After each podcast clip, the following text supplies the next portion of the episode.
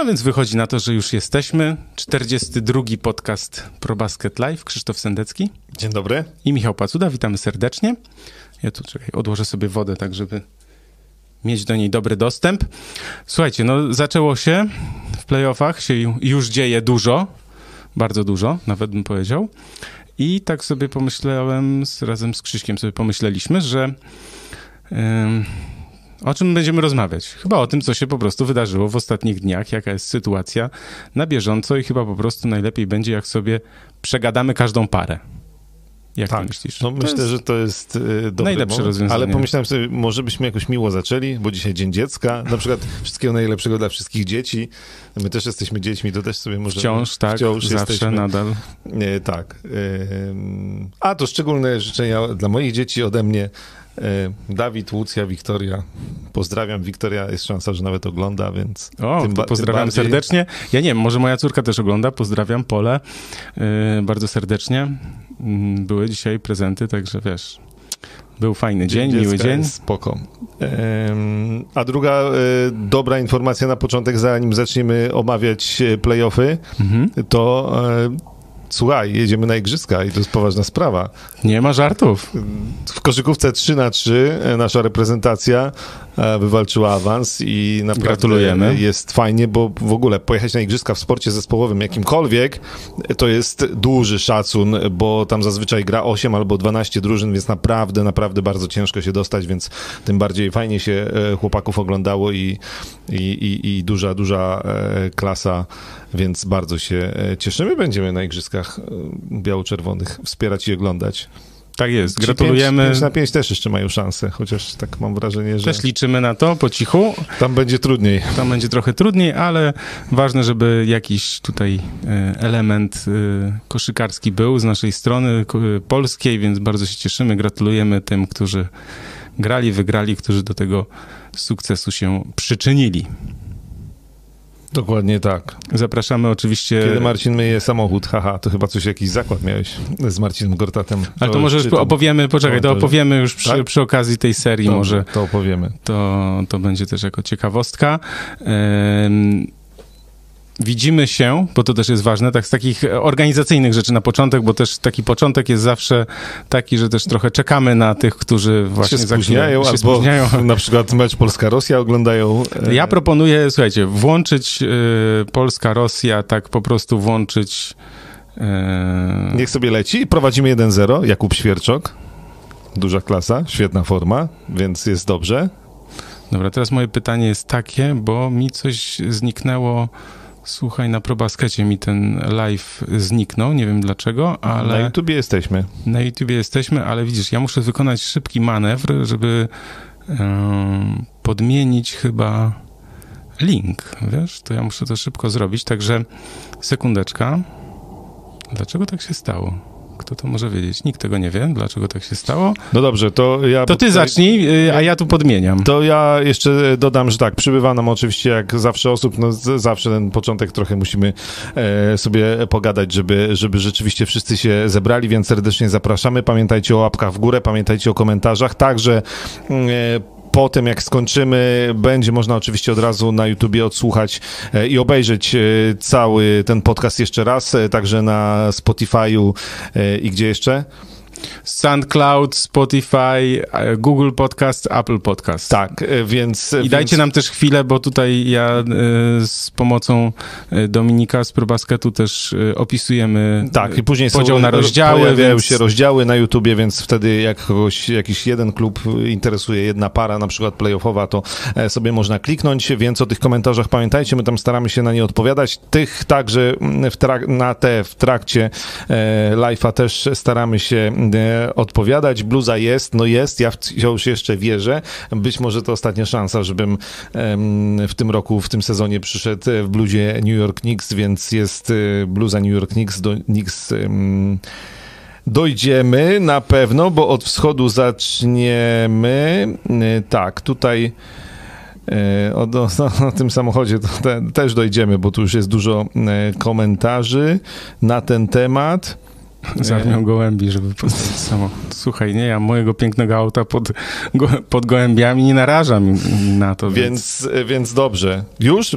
Zrobiłeś? Tak jest, tak jest, zaktualizowałem. Dobra, za, zaczynajmy. E, Poważne rozmowy. Poważne rozmowy. Dobrze, zaczynamy od y, numeru 1 i numeru 8, a Na więc wschodzie? na wschodzie, a więc Philadelphia kontra Washington Wizards. No i tutaj jest taka ciekawostka, no bo wszystkim się wydawało, że to raczej powinno się szybko skończyć, natomiast w tym ostatnim meczu Waszyngton pokazał kły yy, i udało im się wygrać 122 do 114. Natomiast... e, No, jest tam 3-1 i najważniejsze rzeczy, które się wydarzyły w tym meczu numer 4 to po pierwsze kontuzja Joela Embida i to jest niepokojąca informacja dla fanów Sixers. Mm, On upadł. y, Jest oczywiście oddzielny news na ten temat na ProBaskecie. Y, Jest też, no jest to nagranie, można zobaczyć. On upadł jak y, wchodził na kosz, atakował, to jak spadał, to tak mu się pięty przesunęły. To jest takie niebezpieczne, wiesz, upadek, że tak, żeby spadasz na pięty, one się lekko przesuwają, tak jakby łapiesz trochę poślizg i upadasz na tyłek. On spadł na tyłek, wydawało się, że może obił sobie na przykład, nie wiem, kość ogonową, natomiast jest tam informacja, że mm, ból Prawe prawego kolano. kolana. Joel Embiid i kolana to Znaczy, jest... na szczęście to, znaczy chyba na szczęście to nie jest to kolano, które miał operowane, tak, bo miał lewe Mhm. operowane. Ale Joel Embiid i, ko- i hasło kolana Joel jest Embiid zawsze... i hasło kon- kontuzje, Tak. to jest od razu czerwona lampka się zapala, że zaraz Mhm. może być coś e, groźnego. Na razie nie wiemy, no wciąż nie wiemy, e, czy on będzie pauzował w kolejnym meczu, czy będzie gotowy do gry, jak poważny jest to uraz, czy to jest tylko e, jakiś, wiesz, przeprost, opuchlizna i, i tak naprawdę zaraz zejdzie i będzie gotowy. Mhm. Natomiast no wiemy, że Filadelfia bez Joela Embida w tym meczu numer 4 trochę jak dzieci we mgle. E, powiem tak, no wydaje mi się, że nawet bez niego oni powinni tę serię dokończyć i wygrać. Tam oczywiście Bradley Bill robił swoje, Hachimura zagrał bardzo dobry mecz, Russell Westbrook szarpie jak zwykle, chociaż nie patrzcie na statystyki, na skuteczność, bo to jest dramat, bo nic nie trafiał. E, natomiast y, natomiast Filadelfia no nie, no to, to w ogóle... Słuchaj, ale to jest z- tylko zapom- jeden mecz, takie mecze się w seriach zdarzają.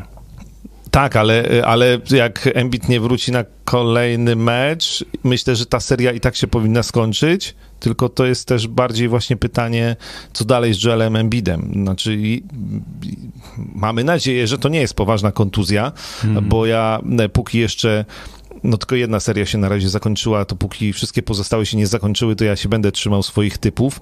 E, moim typem było, że Philadelphia będzie w finale, więc z Joelem Embidem tak, bez Joela Embida no to nie bardzo, mimo że e, no tak jak też tu parę razy mówiłeś, oni sobie wywalczyli nie tylko przewagę parkietu do samego końca na wschodzie, ale też autostradę do, do, do Tak. tego finału, tak, że omijają i Brooklyn i Milwaukee, więc W drugiej rundzie. E, tak, no, no, ta, no oczywiście, no, w finale, W finale konferencji, no wiadomo, spotkają. że z kimś się spotkają, ale wcześniej mają najpierw ósmą drużynę, a później drużynę z miejsca 4-5, więc e, no aż po prostu szkoda byłoby tego nie wykorzystać, e, no a tak się może stać, no bo w tym sezonie, no wiemy, że kontuzje i o kontuzjach jeszcze dzisiaj tutaj nieraz będziemy mówić. Kontuzje są największym jest- problemem tego sezonu w ogóle, jeśli chodzi o, o NBA, to tak naprawdę no to jest jakby kontuzja za kontuzją. Ciągłe, ciągle jakiś zespół ma problem, y, że wypada im kolejny gracz, tak? I tak było w trakcie sezonu, dużo zespołów miało problemy i teraz jeszcze w playoffach y, dochodzą kolejne kontuzje.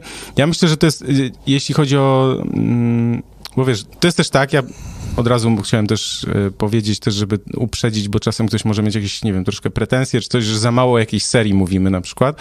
Natomiast no, my nie jesteśmy w stanie też śledzić tak dokładnie wszystkich serii, więc o niektórych będzie 3 minuty rozmowy, a o niektórych będzie pewnie 13 albo i 20, bo, bo tak to się... że też nie, nie wszystkich się tyle dzieje, żeby tak naprawdę... No, no, no właśnie, znaczy, o, co można powiedzieć o tych meczach w Filadelfii? No, no, no tam dominowała, prowadziła... W... Wiesz, no to możemy, no pierwszy mecz im Tobias e, Harris e, wyciągnął, bo ten mecz No tak. akurat e, oglądałem, on był w miarę, w miarę wyrównany, chociaż momentami to się ciężko oglądało, natomiast 37 e, punktów Tobiasa Harrisa ja wciąż twierdzę, że to jest zawodnik, który no, trafił idealnie, bo, bo mam wrażenie, że mentalnie on nie jest gotowy do tego, żeby być liderem drużyny, jakiejś drużyny w NBA, takim wielkim em, liderem, e, który poprowadzi do wielkich rzeczy, na, natomiast w takiej drużynie, gdzie jest Joel e, Embiid, gdzie jest Ben Simmons, on się odnajduje znakomicie i będą takie mecze i są takie mecze, w których on będzie te mecze w Filadelfii wygrywał. E, do rotację Filadelfia ma wspaniałą, na w każdym elemencie tak naprawdę od Washingtonu jest lepsza i tutaj, wiesz, te kolejne mecze 120 do 95, 132 do 103, no to, no to pogromy, no to w ogóle nie ma o czym rozmawiać, tak? W tym trzecim meczu Embiid 36 punktów swoją drogą, więc co by tutaj, ile by tu nie naszarpał się Russell Westbrook, ile by punktów nie rzucił Bradley Bill, no to po prostu brakuje, mówiąc ładnie po amerykańsku, talentu. Znaczy, no, nie ma tam kim grać w porównaniu. No to nieprzypadkowo Waszyngton dostał się z turnieju play-in e, do playoffów, a Philadelphia z pierwszego miejsca. Znaczy nie ten poziom, o zupełnie różne rzeczy walczą te drużyny i nawet bez Joela Embida, bo pewnie nawet jak się okaże, że ta kontuzja jest taka powiedzmy trochę groźna, że on zaraz może wrócić, to może go też będą oszczędzać, na przykład, nie wiem, jeszcze na przykład w następnym meczu może Embiid nie zagrać. Mhm. E, myślę, że i tak Filadelfia bez Joela Embida z Waszyngtonem powinna sobie poradzić. W następnym meczu to się powinno skończyć, to się powinno skończyć 4-1 e, i tyle. I to jest y, właściwie koniec tej serii, a pytanie, co dalej z Embidem, no bo, no bo tak jak mówiliśmy, no z nim faworyt do walki o mistrzostwo, bez niego ale jest jedna ciekawa historia odnośnie Filadelfii i to też możemy, bo to się wydarzyło akurat teraz w tym meczu yy, numer 4. Było faulowanie Bena Simonsa w końcówce, żeby on rzucał osobiste.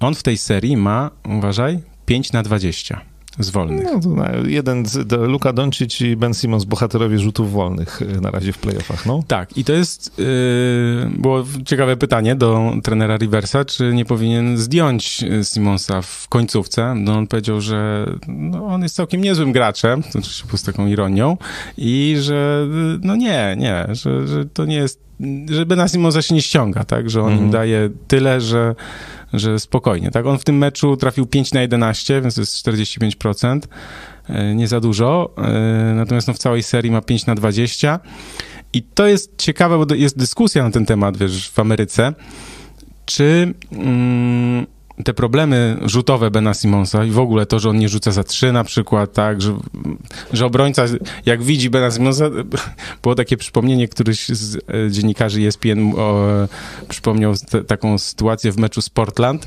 kiedy Carmelo Antony tam e, krył Simonsa i dochodzi do niego na połowie i nie wiem, czy to zrobił specjalnie, pewnie tak. I tak, nie, nie, chwila, zaraz. I, i sprintem wrócił pod kosz. Wiesz, że po prostu zostawił mu masz, mhm. rzuć sobie za trzy, rzuć sobie z szóstego metra czy coś, to też to jest takie mm, lekceważenie też rywala, co jest y, no takie jak chcesz komuś pokazać, że hej, jesteś słaby, nie nadajesz się, to robisz właśnie taką rzecz, żeby go jeszcze sprowokować, żeby go wkurzyć, żeby go wyprowadzić z równowagi. No i pytanie jest takie, oczywiście, że te problemy Simonsa, wiesz, w sezonie zasadniczym to mogły się tam pojawić parę razy i tak dalej, natomiast, yy, wiesz, przeciwko Waszyngtonowi to to nie będzie wielki, wielka rzecz, tak? Natomiast, natomiast w tej kolej, kolejnych rundach może się okazać, że to będą ważne. To będą, tak, punkty, które mogą decydować o tym, czy wygrywasz mecz, czy nie. Znaczy rzuty Ale wolne... w ogóle cała taktyka oparta mm. na to, żeby na przykład właśnie, wiesz, zamykasz innych graczy, no jest to duży minus Filadelfii. W tej walce o mistrzostwo, bo wiemy, że oni mają aspiracje mistrzowskie, to to może być ważny element y, taktyki rywali, tak? Więc... Tak, no bo oczywiście, no my mówimy o Benie Simonsie jako o znakomitym obrońcy, tak. gościu, który potrafi tak naprawdę zatrzymać każdego zawodnika w NBA. Mówimy o nim e, przez pryzmat z jednej strony no, gry na tak naprawdę takich pozycji, no to jest taki zawodnik też nie, nietypowy, tak, łączący tak naprawdę grę na pozycjach 1-4, więc on jest trochę silnym skrzydłowym, trochę rozgrywającym, e, więc e, no, jest, jest wyjątkowy, natomiast no ma, ma swoje minusy, rzuty za trzy punkty, no to, że, że nie rzuca, to, to wiedzieliśmy, e, mimo, że były takie wakacyjne filmiki, jak on tam trenuje, trafia i w ogóle fajnie, no to jest też właśnie ta Kto różnica. nie trafiał na sali, Tak. wiesz, no, E, trenując. Wie, no. Więc e, tak, no a rzuty wolne to jest, to jest drugi problem i oczywiście w Waszyngtonie, w- tej serii z Waszyngtonem masz rację, no to, to nie będzie miało wielkiego znaczenia, bo, bo ta seria się zaraz pewnie skończy, natomiast e, później to każdy element, każdy detal będzie miał znaczenie i oczywiście, no to są, to są słabe, e, to jest słaby punkt e, Filadelfii, tak samo jak zdrowie Joela Embida też jest e, słabym punktem. Tak jest. Jakieś komentarze, jeśli macie coś ciekawego swoje Tutaj już mm, odnośnie może tej serii. Jako bo- fan Clips widzę, że Doc już szuka głupich wymówek. Na razie spokojnie, ale nie, no myślę, że tutaj kluczowe będzie zdrowie Joela Embida. Jeśli on wróci, to, to ja jeszcze o Filadelfii jestem spokojny, szczególnie, że w drugiej rundzie też powinni sobie poradzić. Uważaj, bo mamy y, pogramiarz dwa- 2020, bida bez embida. To ładne. Mhm. Tak, więc y, to, co mówiliśmy, y, bo tak jeszcze zerkamy w komentarze, czy macie jakieś uwagi odnośnie tej serii, ale no to chyba jest no chyba jest dość, dość, dość oczywiste, tak? Oni wygrają Nie, z no, Waszyngtonem, tak, natomiast tak. pytanie, znak zapytania jest y, zdrowie Joela Embida raz, dwa, y, kwestia rzutów ogólnie wolnych i z półdystansu i to, jak rywale y, dostosują taktykę przeciwko Sixers na przykład w kolejnej rundzie. Finalista NBA ze wschodu znajduje się w parze Bucks-Nets. Wspomnijcie me słowa. No jest to bardzo prawdopodobne. Ja też tak uważam. No tak, ja, ja trzymam się na razie wersji, że Filadelfia, ale yy, Słuchaj, no, każdy pra- ma słuchajcie, prawo się mylić. słuchajcie, no, dobrze. Yy, Filadelfia, z, a jeszcze z Filadelfią i Wizards, to może też yy, przy tej okazji zaczniemy temat kibiców, bo to jest temat, który rozgrzewa, rozgrzewa amerykańskie media, ale polskie też, bo tam też yy, w sumie pięć takich przypadków bardzo głośnych w tych meczach do tej pory się przydarzyło, gdzie kibice, delikatnie mówiąc, przesadzili albo wbiegając na parkiet, to był, że tak powiem, najmniej groźny przypadek. Nie, bo- no to bo gość gość zrobił z ciebie idiotę i po prostu Tak, no wjechał ale- i się rzucił na tak, parkiet, no ale rzucenie butelką w Kyriego Irvinga, wyzwiska i plunięcie na Trey Younga w Madison Square Garden, wyzwiska do Jamoranta i jego rodziny, jego, e, tak, tam wyzywanie matki bodajże, e, która była na trybunach. No i właśnie w, Popcorn na popcorn Russella na Russella Westbrooka. Westbrooka, kiedy tam musiało go pięciu ludzi trzymać, bo chciał i, iść i sam wymierzać sprawiedliwość. E, Więc e, no, wszyscy piszą i trochę pewnie jest w tym racji, że ludzie po półtora roku siedzenia w domu Zwariowali. Nie, niektórzy nie wytrzymują e, po prostu i zapominają, że już nie są przed telewizorem i nie mogą rzucić popcornem w swój telewizor, tylko no, nie można się tak zachowywać, więc, więc fajne jest to, że NBA generalnie karze i kluby karzą bardzo ostro i od razu przykładnie te osoby, bo tam się w najlżejszej sytuacji to było zawieszenie karnetu, w najgroźniejszych tych sytuacjach no to było w No, ogóle... aresztowanie, no. No tak, no aresztowanie tego gościa, który butelką rzucił e, i on będzie miał normalnie os oskarżony zostanie o, o, o napaść. Natomiast e, też e, on i ten też chyba człowiek, który opluł Trey Younga ma już dożywotni zakaz e, wstępu m, na mecze NBA, czy tam klubu chyba w danej hali, bo to, bo to kluby nakładały, więc akurat pod tym względem bardzo szybkie reakcje, może rzeczywiście troszeczkę się to uspokoi, chociaż w Nowym Jorku to mam wrażenie, że się tam to się nigdy nie uspokoi, ale, no ale może nie aż tak, no może nie, nie, nie przesadzajmy, bo mm, wiesz, to nie wiem, trudno nam też tu apelować stąd do kibiców w Stanach Zjednoczonych. Nie, no słuchajcie, myślę, że no, i- wszyscy no mamy To, no, wiesz, no, krytyjskie zachowania po prostu. głupota, bo no, no, czysta głupota, yy, prymitywne, chamskie, niepotrzebne. Natomiast warto wspomnieć o sytuacji z, Ir- z Irvingiem, bo wrzucam na czat, jeśli ktoś jeszcze nie widział, to tam jest takie nagranie, bo trzeba wiedzieć, co zrobił Kyrie Irving wcześniej. Po meczu poprzybijał piątki ze swoimi kolegami z drużyny, natomiast podszedł do, ś- na środek boiska i nadepnął, tak nadepnął i wytarł jakby, wiesz, y, zdeptał y, logo Celtics na głowę tego Lakiego, tak? Y, I no i podobno to sprowokowało, czy spowodowało, że ten kibic się tak zdenerwował i tak dalej. Więc ja tylko powiem, że nic nie tłumaczy takiego zachowania jak rzucenie butelką. Natomiast yy, Kyrie Irving też powinien się zastanowić nad swoim zachowaniem, bo myślę, że to takim osobom nie przystoi i stawianie siebie w takiej sytuacji, że ja teraz jestem pokrzywdzony, bo tutaj ktoś we mnie rzucił i tak dalej. Wiesz, takie gesty są po pierwsze niestosowne, niepotrzebne i też świadczą o braku klasy.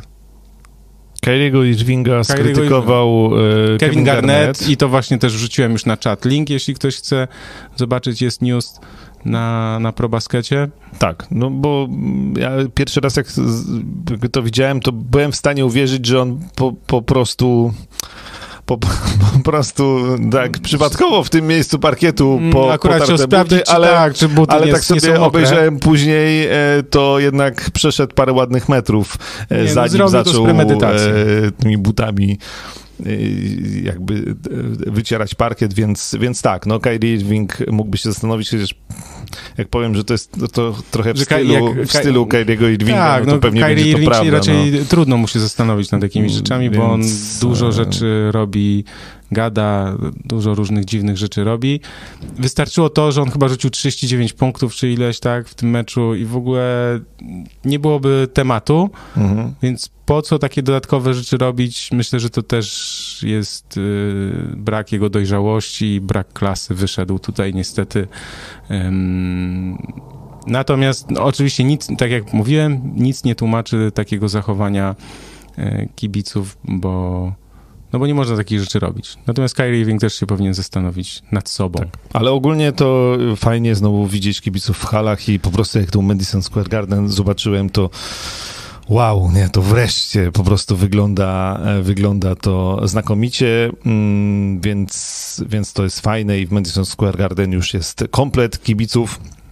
Zdaje się na, te, na, na ten najbliższy mecz e, tylko zaszczepieni będą wpuszczani, ale dzięki temu e, 100% miejsc będzie mogło być zajętych, więc O, po prostu wspaniale. Ja bym już mógł, a ty za chwilkę. a ja jeszcze, jeszcze chwilę Tak, muszę jeśli my jesteśmy, my tu będziemy też propagować i promować. Tak, szczepimy się, akcja, jak najbardziej jesteśmy za. Ja pojutrze y, mam drugą szczepionkę, więc Ja już jestem po drugiej, co prawda dwa dni na ławce rezerwowych, e, ale mimo wszystko jednak e, warto było, bo, bo na pewno człowiek czuje się bezpieczniejszy i spokojniejszy i też dba o tym samym o, o innych, mówiąc na ogół. tak. Idziemy dalej, Idziemy dalej. E, Druga para, bo będziemy sobie lecieć po drzewku. czyli potencjalni rywale pewnie Filadelfii w Tak. półfinale. Znaczy na pewno rywale zwycięzcy- Znaczy, znaczy no, tak. Wiem, co chciałeś powiedzieć. Tak, Niepotrzebnie. ry- tak. tak, ja, tak, ja to tak, tak, tak, tutaj wtrąciłem. Tak. Czyli y, Nowy Jork, y, Atlanta. Y, Blu, bluza? Bluza, jeszcze wierzysz. Krzysiek jeszcze wierzy, natomiast w pierwszym meczu Trey Young, rzut na zwycięstwo, świetna gra tego młodego mecz, gracza. który Nowy Jork na własne życzenie przegrał. Tak, ale y, to tylko, czekaj, żeby tutaj uściślić, potem było 1-1 i dwa mecze w Atlancie y, Hawks wygrali. I to już tak dosyć spokojnie. Tak, pewnie. 105 do 94 i 113 do 96. I teraz tak, bo my się umówiliśmy tak, że trochę ja tak opowiadam troszkę o tym wschodzie, a potem Krzysiek będzie jakby wodzirejem zachodu, więc dlatego... Ale się, Pan jest moim gościem, ja Będę mówię. się wtrącał, no. Tak, pan jest moim gościem, ja mówię. Y, To co mi zrobisz, jak mnie złapiesz? Najlepszego polskiego filmu. Cytat. Y, Więc tak, y, po pierwsze, miało być tak, że to żelazna obrona Toma Thibodeau y, postawi trudne warunki, mur nie do przejścia graczom, Hawks i tak dalej, i tak dalej. Przy czym jest zupełnie na odwrót. Dlatego, że mm, Nowy Jork mają tylko Juliusa Randla, który został zablokowany, jego gra, y, izolacja, tam są podwojenia i on, to co wynika z jakoś tam z obserwacji nie tylko moich, nie ma partnerów, nie potrafi się odnaleźć w tej sytuacji, trochę wali głową w mur, jak to się mówi, rzuty z nieprzygotowanych pozycji, y, nie jest sobie w stanie wypracować takich no, łatwych pozycji do zdobywania punktów. To, jak dominował w w sezonie zasadniczym, jak przecież dostał nagrodę za największy postęp i tak dalej, i tak dalej. No i miało być tak, że on będzie tutaj liderem. E, natomiast wychodzi na to, że on owszem, jest liderem, ale średnio rzuca 17 punktów niecałe, ma 11 zbiórek, natomiast Trey Young rzuca średnio 27 ponad. E, I Julius Randle nie ma po prostu e, partnerów, którzy są w stanie wejść na ten nazwijmy to, wyższy poziom, wziąć odpowiedzialność, trafiać rzuty i tak dalej. Nie są w stanie, Knicks nie są w stanie odpowiedzieć na bardzo dobrą obronę. Trener Nate McMillan wykonał znakomitą pracę kolejny raz, to jest były zawodnik, ja go pamiętam z Seattle Supersonics, ty też go pamiętasz. Świetny gracz, bardzo dobry trener, który mm, przygotował swoich y, zawodników właśnie przeciwko y, Nowemu Jorkowi. Derrick Rose rzuca 22,8, ale to jest wciąż za mało, bo tam nie ma trzeciej opcji, nie ma czwartej opcji. Ktoś się pojawia, natomiast to są. No, Atlanta wygląda 10 razy lepiej.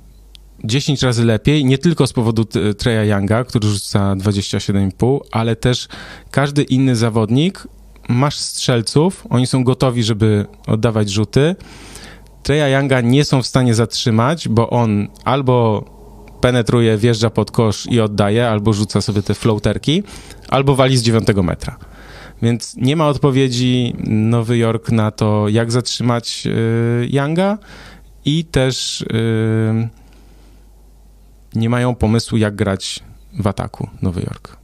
I mhm. tutaj wychodzi, i tutaj wychodzi świetna taktyka trenera Macmillana, znakomita gra Treya Younga, którego ja też pamiętaj, też było takie pytanie gdzieś w połowie roku chyba, w połowie sezonu, o właśnie o Younga, dlaczego go tak nie doceniamy i tak dalej. Ja mówię, najpierw niech on wygra, niech coś zagra w playoffach i tak dalej. No i właśnie teraz pokazuje swoją świetną e, grę. Młody gracz, który rzeczywiście będzie tutaj mm, no już nie tylko na siłę forsowany przez NBA jako przyszła gwiazda, tylko już myślę, że w kolejnych sezonach będzie pełnoprawnym graczem nie tylko tej słabej, tylko tych słabych Hawks i oni go tam na siłę trochę za uszy ciągnęli. Natomiast tutaj e, Atlanta będzie w najbliższych kolejnych latach myślę, że mocną e, ekipą.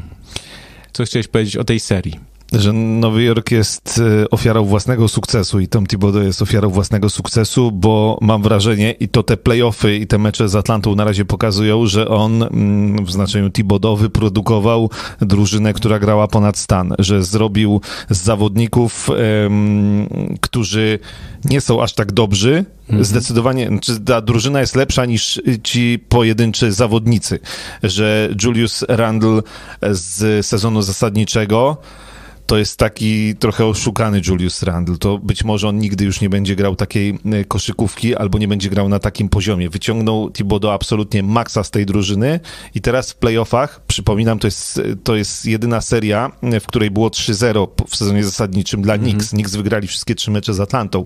E, natomiast w tej serii jest zupełnie inaczej. Ja ci powiem tak, e, ta obrona New York Knicks nie jest taka zła, ona generalnie, bo jeśli miałbym się, bo przy Juliusie Randlu, jeśli e, miałbym powiedzieć, że coś jest ok, to on cały czas pracuje w obronie, to jakby defensywa New York Knicks jest w miarę ok, mhm. natomiast zaskoczyła mnie obrona Atlanty. E, Trey Young on broni. Wiesz, to, to jest, jest dla mnie niesamowite. I odrywa się od ziemi on, nawet. Ta, on nie, wiesz, on nie jest dziurą w obronie. Tam były takie plany, że może New York Knicks właśnie będą tak ustawiać, że w obronie na Treya Younga. No Mhm. nie, Trey Young pracuje w obronie, Trey Young e, bardzo dobrze broni e, w tej serii. Oprócz tego, że oczywiście gra w ataku. Ś- y, Nowy Jork nie istnieje w ataku. To wiesz, obrona pół biedy, ale obrona Atlanty jest pewnie jeszcze lepsza. I ta obrona Atlanty zupełnie zabiła atak. Ej, no jeśli Alec Bergs jest najlepszym twoim strzelcem w pierwszym meczu, no to o czym my rozmawiamy? Znaczy, coś tu jest nie tak. Znaczy, próbuje Thibodeau, no oczywiście, no, co może zrobić Thibodeau? No, może Derricka Rose'a wstawić do pierwszej piątki. No tak, No, ale to wstawił. potem- no tak, ale potem nie tylko, ma- Że, tak, tylko że Derrick Rose już nie jest gościem, e, wiesz, sprzed 10 lat MVP, który pociągnie ci cały mecz i wygra ci mecz, e, bo e, tak było, poczekaj, w trzecim, tak, meczu, gdzie on zaczął od 10 punktów i, i trafiał wszystko w pierwszej kwarcie, 16 do przerwy i po przerwie dwa punkty zdobył da- i, i ich rozjechała Atlanta e, po przerwie, więc więc e, Derrickiem Rose'em tego nie wygrasz, samym Derrickiem Rose'em.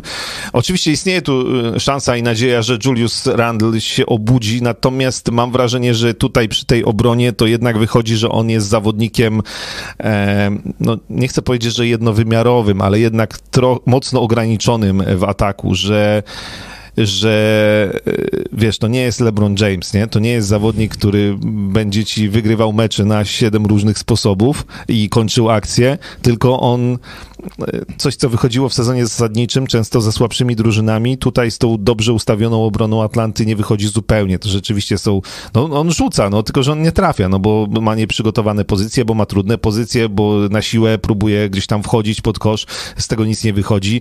RJ Barrett też nie istnieje. Nie istnieje. No, E, Wielka szkoda, bo jestem fanem, bardzo mi się podoba ten chłopak, ale jego gra.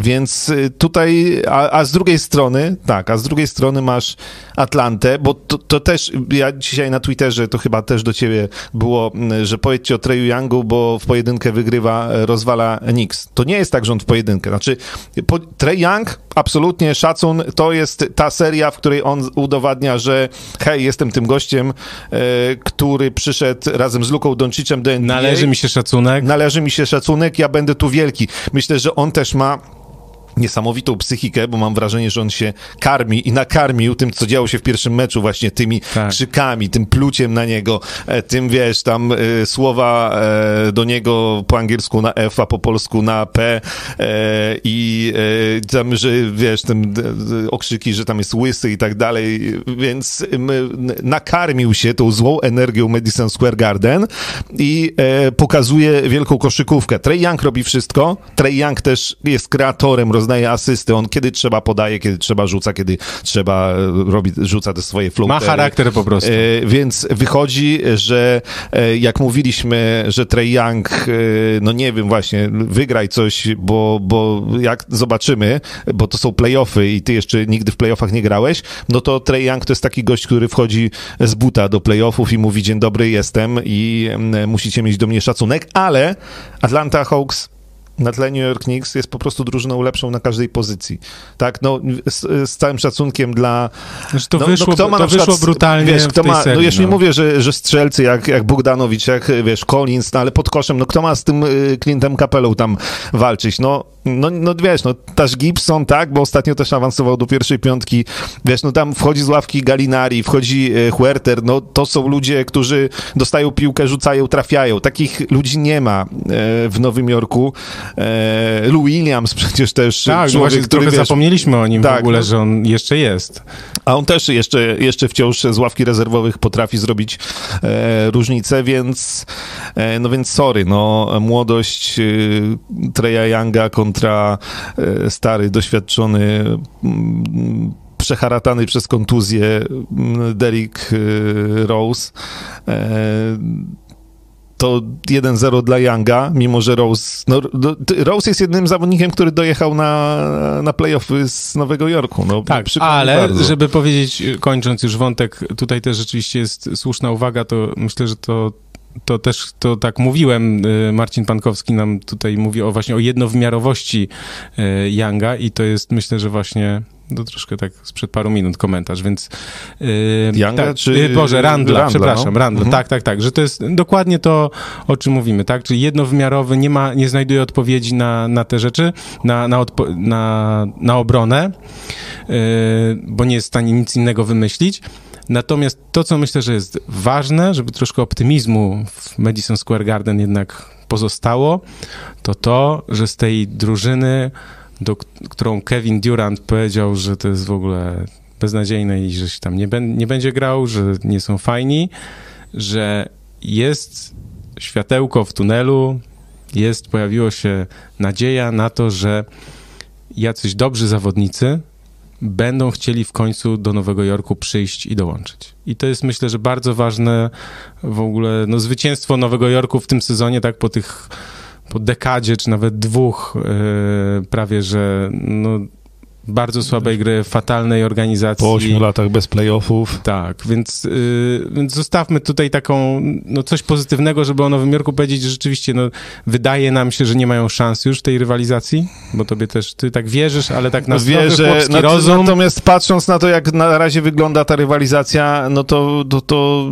wiesz, no to nie, nie, nie jest dobrze dla New York Knicks, natomiast no, będą walczyli o życie w następnym meczu w Madison Square Garden, e, o to, żeby przedłużyć tę serię, to jest jutro e, w nocy, znaczy z, z, z jutro na pojutrze e, czasu polskiego, więc ja myślę, że jeszcze, jeszcze ten mecz w Madison Square Garden są w stanie wygrać. No, pytanie, a może nas Julius Randle jednak przekona, że nie jest tak jednowymiarowy, że jednak w tej serii coś potrafi e, zrobić, bo na razie to, to rzeczywiście, no tu pomysłu To jest, żadnego... to jest sta- tak, że to, co ja y, też mówiłem już kilka razy, jak to Paul Pierce fajnie powiedział, że w playoffach wszystkie twoje największe atuty znikają, bo drużyna jest przygotowana, wiesz, no bo jest pełny scouting, przygotowanie tego. Jak grasz 72 czy 82 jak normalnie, mecze w sezonie, to masz bardzo mało czasu i każdy mecz to jest po prostu pach, pach, lecimy, lecimy, gramy. Do tych najważniejszych jest powiedzmy jakieś tam większe przygotowanie, natomiast czasem jak grasz z dnia na dzień, no to co się możesz przygotować, tak?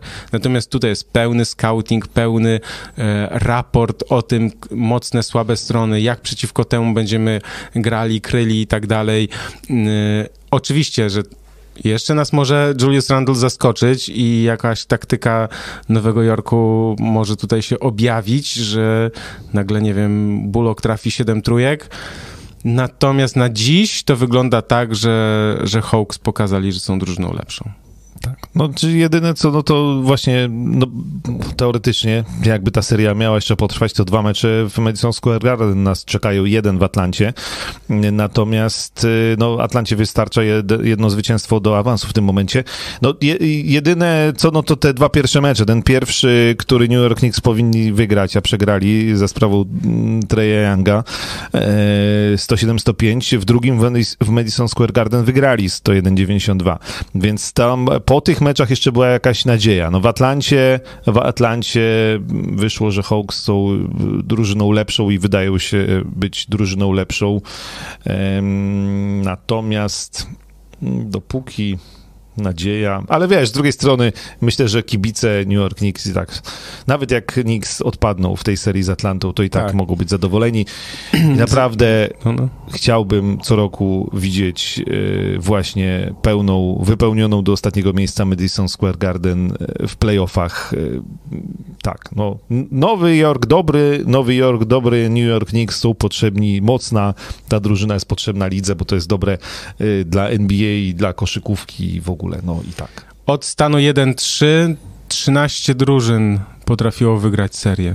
W No zeszłym tak, roku trochę. Denver Nuggets dwa razy. No tak, ale to bańka to Wcześniej bańka. 2016 Cleveland w finale z Golden State i w 2016 też Golden State y, z Thunder. To pamiętamy. Wcześniej 2015 Houston z Clippersami. To też pamiętam, aż za dobrze. E, Więc, a potem to już 2006, 2003, więc no tu jest, szanse są nieduże, ale jak też patrzymy na to, co się dzieje na parkiecie, e, to idźmy dalej. Tak, panowie, lećmy dalej. Bartek Sobczak napisał, to słuchamy. E, tak. Kolejna Lecimy para. Milwaukee, Miami. Jedyna, która się już zakończyła, rywalizacja. Tak. y, poza pierwszym meczem, kiedy była dogrywka i Chris Middleton trafił na zwycięstwo, to y, zakończyło się pogromem, pogromem i laniem. I to jest. Y, co dużo gadać o tych meczach. O tych meczach nie ma co gadać. Milwaukee Bucks pokazało ogromną siłę. Ogromną. Moim zdaniem to jest to, co ja. Nie wiem, czy mam się znowu. Y, znowu mam się powtarzać, że uważam. Mm, że ten zespół jest przygotowany na playoffy i jest w stanie postawić się y, Brooklyn Nets w drugiej rundzie. Dlaczego? Już mówię dlaczego. Przede wszystkim Janis nie gra na siłę sam, tak jak to było we wcześniejszych latach. Znakomity Middleton, który jak potrzeba właśnie rzucić takie, wiesz, akcje, żeby zdobyć punkty na zwycięstwo, to on jest na miejscu. Natomiast y, Brook Lopez też gra bardzo dobrze, natomiast Drew Holiday robi ogromną różnicę, zarówno w obronie, jak i w ataku. Yy, wiesz, Bryn Forbes, który trafia trójkę za trójką, Bobby Portis nawet, który rozciąga grę, tak? Więc ta drużyna jest znakomicie zbudowana. Lekcje zostały odrobione z ostatnich lat. Co prawda yy, DiVincenzo wypada z playoffów, yy, już nie będzie grał w tym roku, no ale jest jeszcze Pat Conaton, jest PJ Tucker, więc tutaj naprawdę ta ławka jest długa i gra Milwaukee no, obejrzałem i zrobiło na mnie bardzo duże wrażenie. Drużyny, która jest gotowa i pewna siebie. Na mnie robi wrażenie Drew Holiday, to okazuje się jednak znakomity transfer i ta umowa podpisana, mm, maksymalny kontrakt i pójście w tą stronę, że, że stawiamy na właśnie tą trójkę Holiday, Middleton, Janis e, i nimi walczymy, z nimi walczymy o mistrzostwo. Na razie wygląda na dobry kierunek. E, co do DiVincenzo, to może ja myślę, że jego to może zabraknąć na przykład w, jak się spotkają z Brooklyn Nets i tam trzeba będzie Jasne. pójść na wymianę ciosów i, e, i, i, i, i strzelców trzeba będzie mieć dobrych, skutecznych, z pewną ręką, bo, bo z Brooklynem trzeba będzie strzelać, no bo bo ograniczenie ich ataku... Forbes będzie rzucał. No, no to, ale to, to, to może wyjść, bo to na razie nie wyszło, może wyjść, natomiast ja jestem zawiedziony e, totalnie Miami Heat. No tak, to, to, to najpierw o Milwaukee chciałem powiedzieć, w sensie jak jestem mhm. pod ogromnym wrażeniem, natomiast Miami, myślę, że można powiedzieć, że to jest największe rozczarowanie tego sezonu jak na razie, yy, tych playoffów na pewno. Yy, Jimmy Butler nie wiem, nie, ma, nie było gościa. Nieobecny. Został, zostawił talent w szatni, nie było tego jego charakteru. Poza pierwszym meczem, kiedy naprawdę. Ale to, drużyna, ale to on też grał on nie słabo. To słabo. No. On dał dogrywkę, ale e, ale tam przede wszystkim Milwaukee zagrało słaby mecz, ten pierwszy. Znaczy, wiesz co? Idealnie, to był idealny przykład. Słuchajcie, to jest idealny przykład pierwszego meczu. Nerwów pierwszego meczu. Oni zdobyli, jakby ten pierwszy mecz widać było, że wszyscy byli jeszcze poddenerwowani, jak grać, jak grać. Pewność siebie i w kolejnych po prostu miazga. Miazga.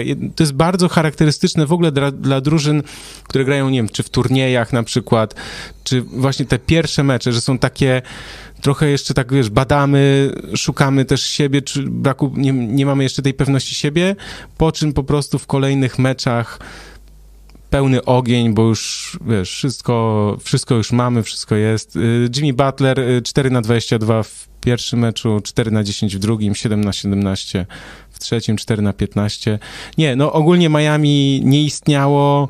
Y, te rewelacje, o których mówiliśmy tak w zeszłym roku, Duncan Robinson i Tyler Hero, sorry, ale...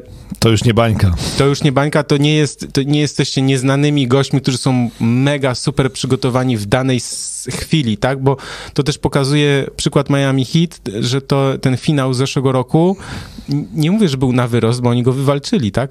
Ale to pokazuje, że w tej bańce było tak specyficznie, że wiesz, po tych trzech miesiącach przerwy niektórzy nie przyjechali w super formie, tak? Miami byli w rewelacyjnej formie, trenowali, Jimmy Butler kozłował do trzeciej nad ranem w pokoju, robił tam, ćwiczył pompki, wszystko i tak dalej, tak? Bo tam jak byli zamknięci, bo przecież każdy kwarantannę przechodził i tak dalej.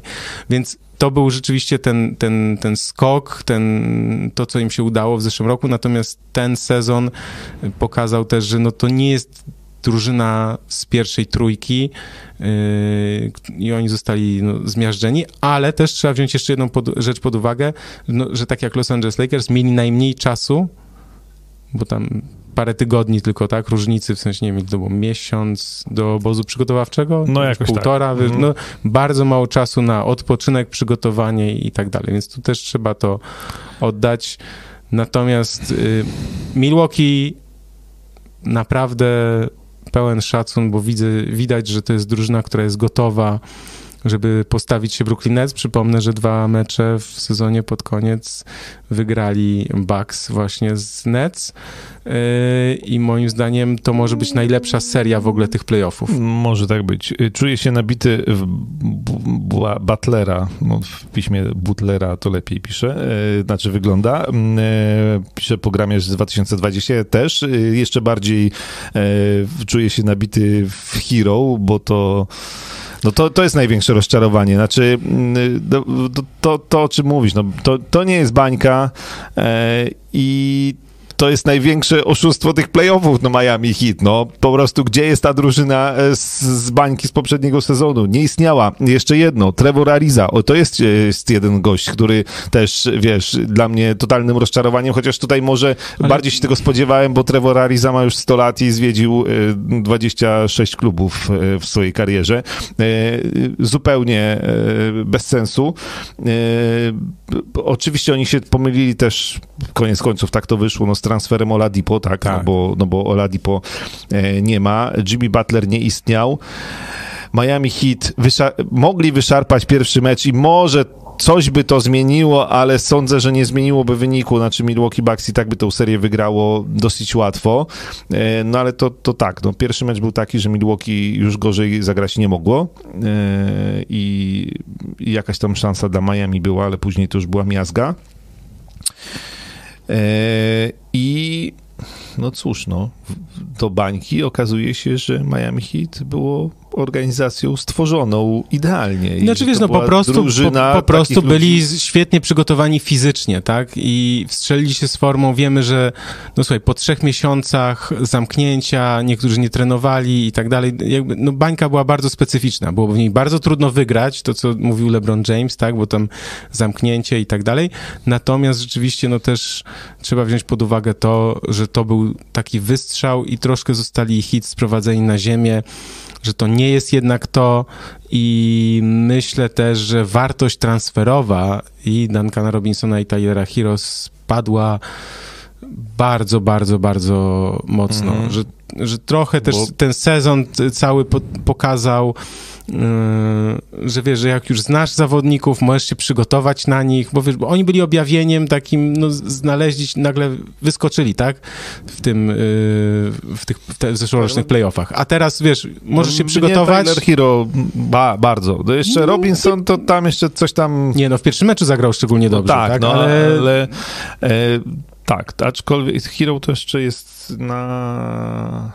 To jeszcze nie, jeszcze nie będzie przedłużał kontraktu, bo tak, bo to jest e, chyba jeszcze ten ru- debiutanckim rookie jeszcze kontrakt, tam, tak, jeszcze, jeszcze trochę Marcin ma nam czasu. pisze właśnie, że, że jeszcze na ru- rookie kontrakt, więc przedłużenie za dwa lata dopiero. A, no to jeszcze, jeszcze ma czas, żeby się odbudować. Y, Jeszcze mi się jedna rzecz y, tak y, przypomniała odnośnie tego, co ty mówiłeś, że oni mieli najmniej czasu, ale z drugiej strony też pamiętamy, że oni w ten sezon to wchodzili strasznie powoli. Ojej, jakby, tak, nie, to e, w ogóle t- dramatycznie. tak, to, to tam- Oni w ogóle mogli z playoffów wypaść. y, Znaczy, najpierw, tak, nie, bo oni za, zaczęli po prostu od porażek, tak? Później dopiero wskoczyli tak naprawdę do, gdzieś tam do pierwszej ósemki, e, więc, y, więc trochę sobie to przeciągnęli, y, te przygotowania do sezonu, na ile się dało już w trakcie, tak? Żeby, żeby jakoś, jakoś wyglądać, ale też spodziewaliśmy się przed tą serią, mm, że to może być ciężka seria dla Milwaukee, a w ogóle nic takiego się nie wydarzyło, bo no nie, nie. Kto Mi- się spodziewał, ten się spodziewał. No.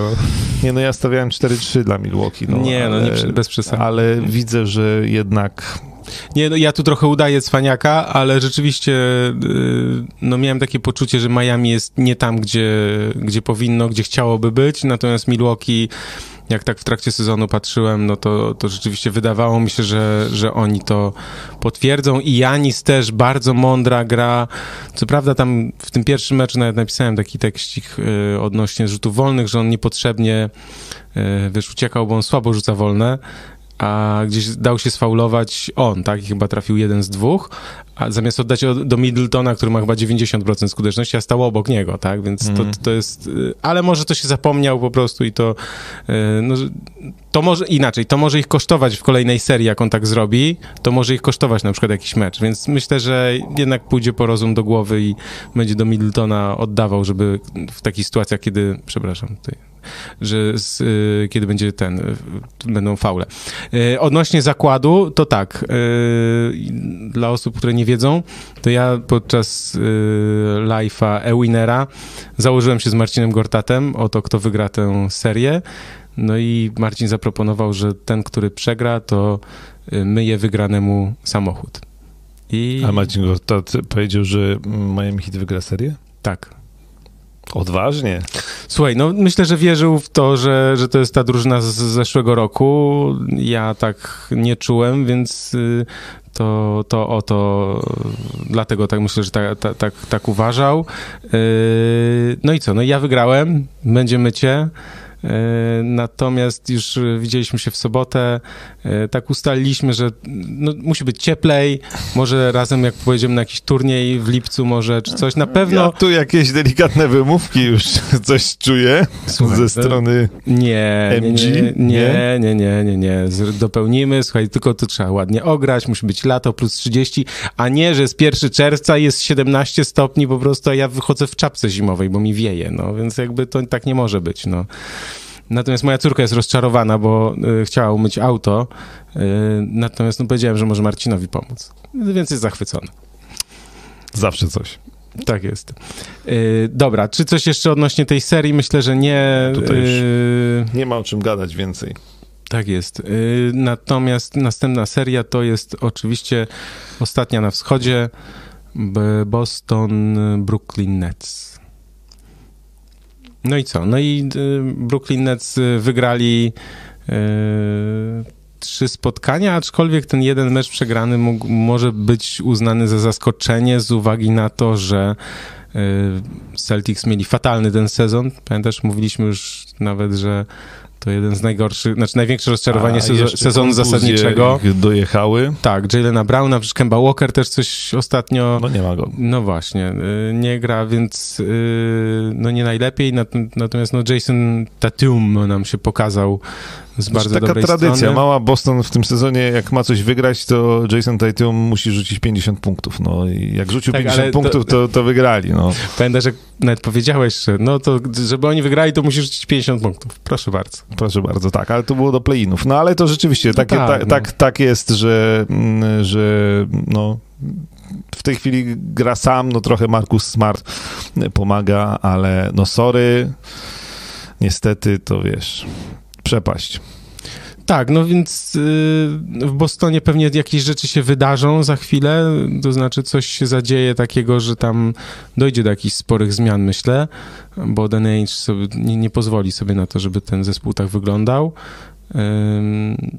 Nie wiem, czy coś o Celtics można powiedzieć. Dla mnie ten transfer Fourniera też trochę niezrozumiały ten zespół powinien być zbudowany wokół Tatiuma i, i Jalena Browna. Kemba Walker nie jest graczem, który jest w stanie ich poprowadzić do, do drugiej rundy, moim zdaniem. Znaczy, może do mhm. drugiej rundy to, znaczy, że on będzie, natomiast on nie jest w stanie, nie jest zawodnikiem, który jest w stanie poprowadzić tę drużynę jako rozgrywający na, na taki duży, na najwyższym, na najwyższy poziom, no więc jakby tyle mam do powiedzenia o Celtics. No nie, tam nie, nie ma za bardzo nic więcej do dodania. No, kontuzja Jalena Browna to był gwóźdź do trumny przed playoffami. Jak wypadł jeszcze Kemba Walker, to już to już wiadomo było, że już tego się nie da uratować, a i tak nawet z Kemba Walkerem e, i tak by nie byli faworytem e, w starciach z Brooklyn Nets i myślę, że to się zamknie w kolejnym meczu i, i wynikiem 4 do 1. No. Tak, no to, to raczej tak. Czy my coś chcemy o Brooklyn Nets e, powiedzieć? E, wiesz co? Rewelacyjne występy, tak, ale... Ale jednak, ale jednak no. mnie, na przykład mnie zaskoczyło to, że DeAndre Jordan w ogóle nie gra. E, że wychodzą na centrze z Blake'iem Griffinem e, i wiesz, zobaczymy też, co będzie na przykład w serii z Milwaukee Bucks, jak to będzie wyglądało.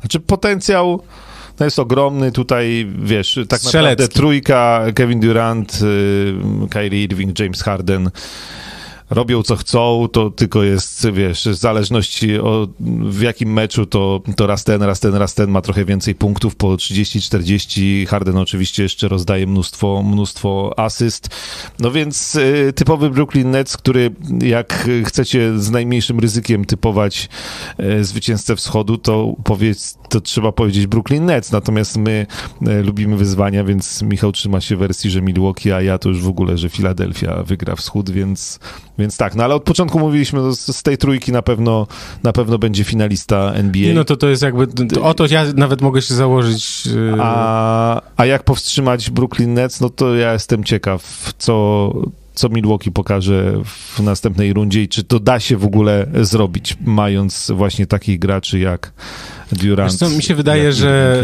Jak. Bo to jest. No tak, bo my się spotkamy za 10 dni, więc to już może być tak, że oni zaczną grać. Yy, bo spotkamy się w czwartek 10 czerwca o 21. Prosimy o zapisanie sobie. Bo no tak sobie przesuwamy troszeczkę, żeby nie, widywa- nie spotykać się co dwa tygodnie, a. A te 10 dni myślę, że będzie dobrym takim czasem y, na to, żeby tutaj kolejne rzeczy sobie podsumować, zapowiedzieć, ocenić i pogdybać. Natomiast y, ja myślę, że wiesz, nie zatrzymasz Duranta, y, Hardena i Irvinga na zasadzie takiej, że nie będzie takiej sytuacji, że oni nagle rzucą, wiesz, nie wiem, jeden rzuci 7 punktów, drugi 21, a trzeci Tylko 18. oni ostatnio rzucali już jako cała drużyna na Tak. poziomie prawie 60%, no to jest troszeczkę...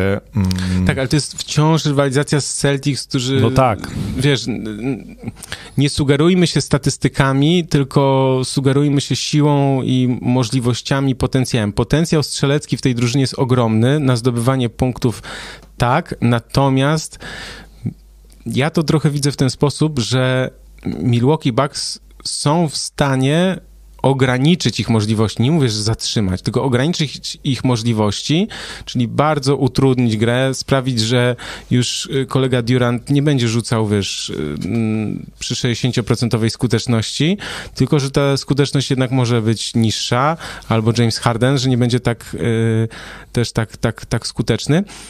Natomiast kluczem, co mi się wydaje, że do wygranej Milwaukee może być, ja nie twierdzę, wiesz, nie zakładam się teraz o milion dolarów, ale to, co może się udać, to po stronie Milwaukee, to fakt, że yy,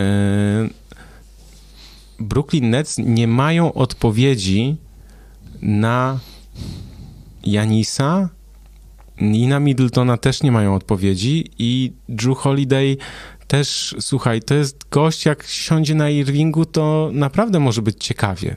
Tak? Chodzi mi o to, że, że jeśli, jeśli też jesteś naprawdę dobry w ataku, to możesz sprawić problemy swoim rywalom. Czyli na przykład, nie wiem, nagle się okaże, że Irving będzie w pierwszej kwarcie miał dwa faule. Nagle się okaże, że Harden, wiesz, zostaje, zostaje minięty i nie ma potem kto pomóc. Kto będzie krył Janisa? Durant, który się zaraz, wiesz, zmęczy, tak? W sensie, no, bo to w tych meczach było tak, że najlepszym obrońcą na Janisa był teoretycznie Durant. Tak, tylko że no, wysyłanie Duranta, żeby pilnował Janisa, no to tracisz tak naprawdę najlepszą opcję w ataku swoją, tak? I teraz tak, Blake Griffin No nie. zostanie zniszczony. Yy, Co, DeAndre Jordan będzie, wiesz, no, no nie nadąży, tak?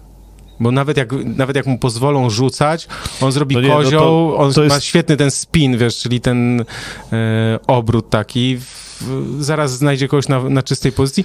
Ja naprawdę widzę duży potencjał, dużą szansę w tych, bo wiadomo, że Brooklyn Nets, mnóstwo ludzi mówi, że, że są faworytami i tak dalej. Ja widzę naprawdę bardzo duże szanse Milwaukee na, na wygranie. Mi się wydaje, że może im zabraknąć e, ognia, między innymi przez kontuzję Di Vincenzo. Będzie, będzie brakowało... On tam, wiesz, on rzucał tam po trzy punkty, więc jakby to też nie, tam, daj słuchaj, jest No. PJ, słuchaj, jest PJ Tucker, który jak wejdzie, jak tam zacznie, wiesz, parę łokietków Blake'owi Griffinowi sprzeda, to też troszeczkę będzie inaczej, tak? Brook Lopez, słuchaj, no w ogóle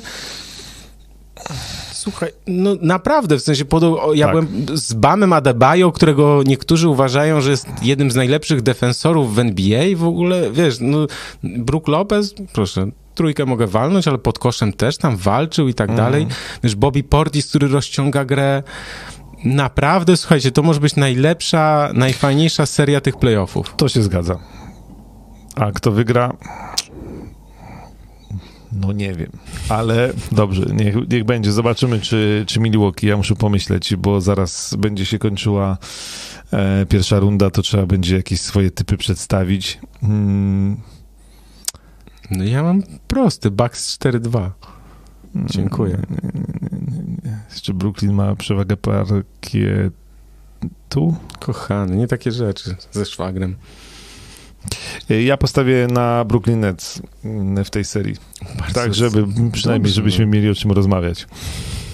Więc, więc tak. Idziemy na zachód? Czy my idziemy na zachód? Joe Harris ich zniszczy, pisze Marcin Pankowski. No, może tak być. Znaczy, Może tak być, no. Wyda- nie, no ja, tak, no wydaje mi się, że... Ja uwielbiam, czy powiem tylko tak, uwielbiam to powiedzenie. Gdybym wiedział, to bym tu nie siedział. No tak, tak, tak, tak, tak. Wy, mi się wydaje, że z całym szacunkiem do tego, co mówisz, to atak Brooklyn Nets... Może tak być. Ja wiem, co chcesz powiedzieć. Może Ty- tak być, ty- no. do, do, k- do, to jest historia na jeden mecz z dwoma, mm, fa, e, dwoma faulami Irvinga w pierwszej kwarcie i, i, i, i e, nie wiem, powstrzymaniem e, Hardena. Bo, bo właśnie, bo tam jeszcze jest Joe Harris, bo tam... No tak, ale Nie, no, nie, nie no... Jedyne, najważniejsze pytanie, dobra, najważniejsze pytanie przed Brooklyn Nets, jak ograniczyć Janisa, tak? Ci mają do... Janisa, ale wiesz co, ale Janis jak będzie podwajany, to on, teraz właśnie ta taktyka, ten Janis z zeszłego roku już go nie ma. No, Ten, ten mecze z Milwaukee, te mecze z Miami naprawdę to pokazały, że on, słuchaj, oczywiście, że on chce i tak, chce, zdobywa dużo punktów i tak dalej, natomiast on nie boi się podawać, ma pełne zaufanie do partnerów, a tam po prostu w Milwaukee słuchaj, jak trzeba, wiesz, oni, Holiday, Forbes, Portis, to są goście, którzy będą rzucać za trzy za chwilę, wiesz, i nie będą mieli, Jakoś nie zawahają się. Pat Conaton przecież te, tam też nazwiska jest. Durant, Harris, Irving i Harden bardziej do mnie Ale przemawiają. też weź pod uwagę jedną rzecz, że, że w, jak tak patrzysz na, na te nazwiska, to widzisz też krótką ławkę tak naprawdę Brooklyn Nets, bo mówimy Durant, Harden, Irving, Harris No dobra, i no ale- potem, wiesz, no Landry Shamet, Jeff Green, którego ja uwielbiam, ale wiesz, że, że tam może zabraknąć, oczywiście kontuzje mogą się zdarzyć, to w ogóle jakby jak kontuzje się wydarzają, to jakby nie mamy... Myślę, że przece- przeceniasz ławkę Milwaukee w tym momencie. Okej, być może, no. Wiadomo, że Nets. Mike Marcin, James. Marcin Jarzyna napisał. Proszę bardzo. Mike James jeszcze na ławce rezerwowych. Czekam. W- w- Czekam na ten moment, y, żeby się dowiedzieć, w jakim celu ściągnęli go z Europy. Dobrze. Dobra, no to nie, to ja już jestem pewny w takim razie. E, Brooklyn Nets Przekonałem cię, w widzę. serii, w serii z Milwaukee Bucks Brooklyn Nets. Do tego się trzymajmy. Ale zgadzamy się, że to powinna być seria epicka.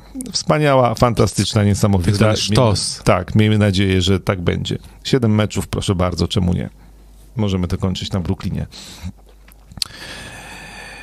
Idziemy na zachód. Idziemy na zachód. Jeśli macie jeszcze jakieś przemyślenia, wymienienie poważnym głosem ławki Bucks nie czyni groźniejszymi. Daniel Zapas napisał. No, No, ta, tak, no. no nie czyni, ale No. y, zmietli Miami, no. No I w da- sezonie też dwa razy Brooklyn ostatnio pogonili. No ja, ja uważam, słuchajcie, nie...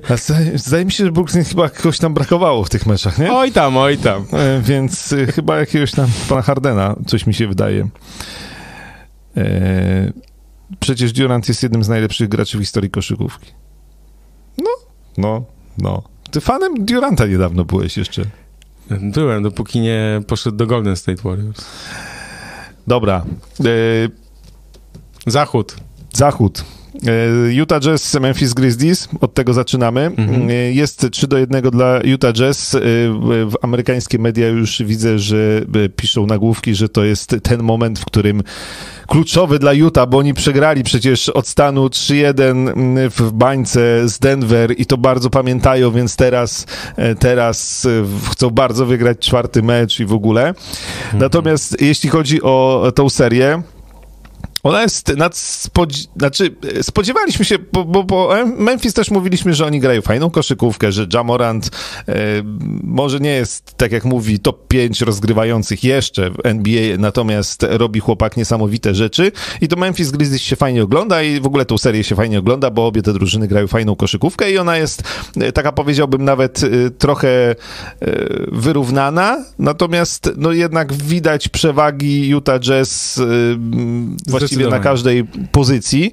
E, pierwszy mecz Memphis wyciągnęli 112-109, wygrali, natomiast nie było tam Donowana Michela, bo on jeszcze, jeszcze doleczał, powiedzmy tam kontuzję, jeszcze dali mu e, odpocząć. E, nie mieli odpowiedzi nie tylko na Jamoranta, ale też na Dylona Brooksa, który też gra bardzo dobrze w Memphis. Gracze Utah, także Valenciunas też bardzo dobrą serię gra, to tak, wiesz, na tej pozycji z Rudym Gobertem, to, to tam wcale, wcale nie ma. Zresztą Rudiego Gober, obronę Rudiego Goberta wyśmiał e, Draymond Green ostatnio e, w studiu, e, że on w ogóle, co to za najlepszy obrońca w lidze, jak on w ogóle nie broni. I tam były zlepek akcji właśnie, jak on zostawał przeciwko Jamorantowi i dawał sobie e, rzucać e, sprzed nosa. E, no ale to, to zostawmy. Utah jest w tej le e, serii lepsze, bo wygrało później mecz numer 2 141-129 dosyć zdecydowanie, później 121-111, poczekaj, muszę tą moją kartkę tu sobie przesunąć, żeby lepiej widzieć. I, mm, i 120 do 113. We wszystkich tych meczach. E, bo też mówiliśmy, Utah Jazz cały czas grają koszykówkę taką mało NBA-owską, bo bardzo, bardzo zespołową, natomiast Donovan Mitchell jest liderem tej drużyny. Znaczy, jeśli ktoś miał jakieś wątpliwości, to, to w playoffach na razie w tych meczach on jest, jak wrócił od drugiego meczu, to, to jest absolutnie e, nie do zatrzymania.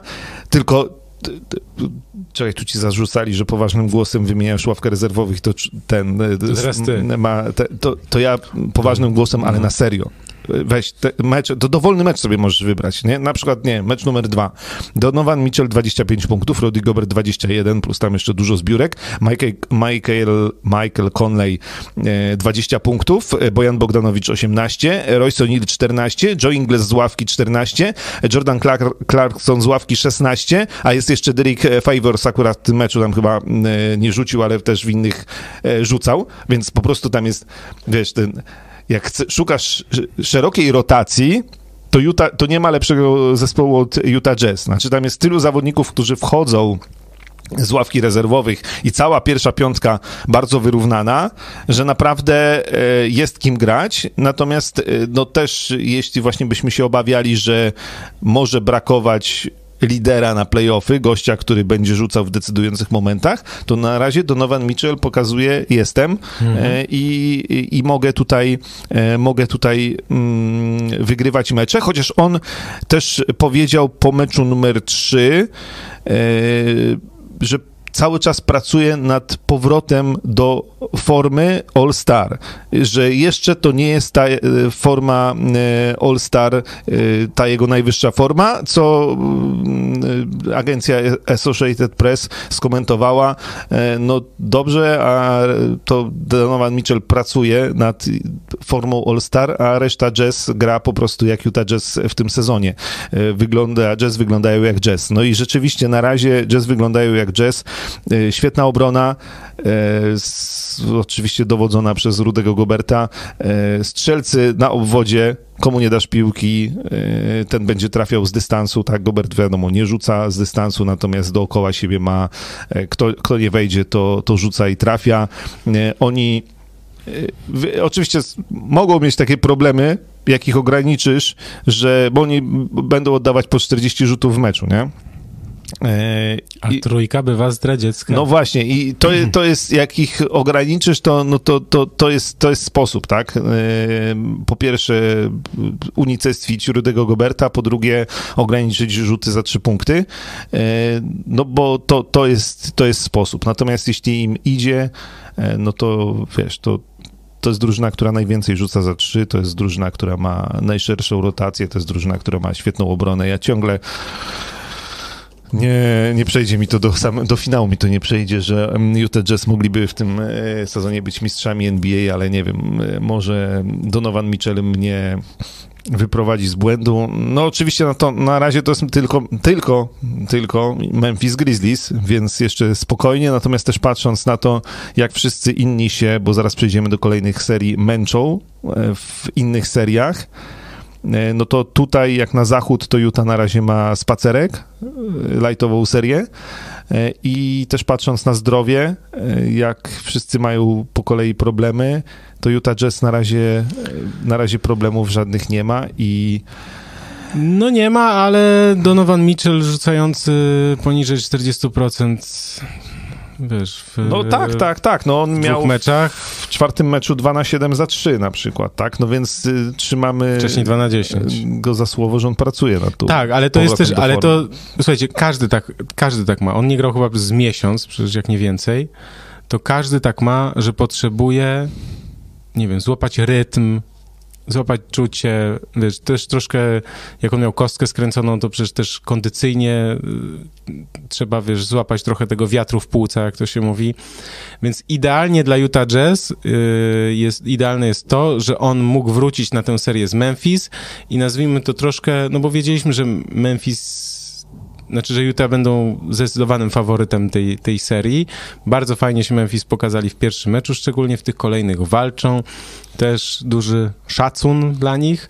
Natomiast bardzo dobrze dla Utah Jazz się stało, że Donovan Mitchell mógł wrócić już w tej serii, bo może ją troszkę potraktować właśnie tak, yy, nie, nie powiem, że treningowo, bo to byłoby, o, to by obrażało Memphis Grizzlies, ale nazwijmy to jako taką, nie wiem, rozbiegówkę. Że, że, że ten moment, kiedy, kiedy może właśnie z, złapać ten rytm, wrócić do tego, do tej swojej formy sprzed kontuzji, no bo wiemy, że w drugiej rundzie może być ciężko. Tak. Ale zanim przejdziemy do drugiej rundy, ja tylko chciałem, to jest tak zwane ogłoszenie, reklama, ja tylko chciałem przypomnieć, że jeśli ktoś ma abonament w sieci Play, to może oglądać e, NBA w sieci e, Play. Tutaj podrzucam na czat artykuł.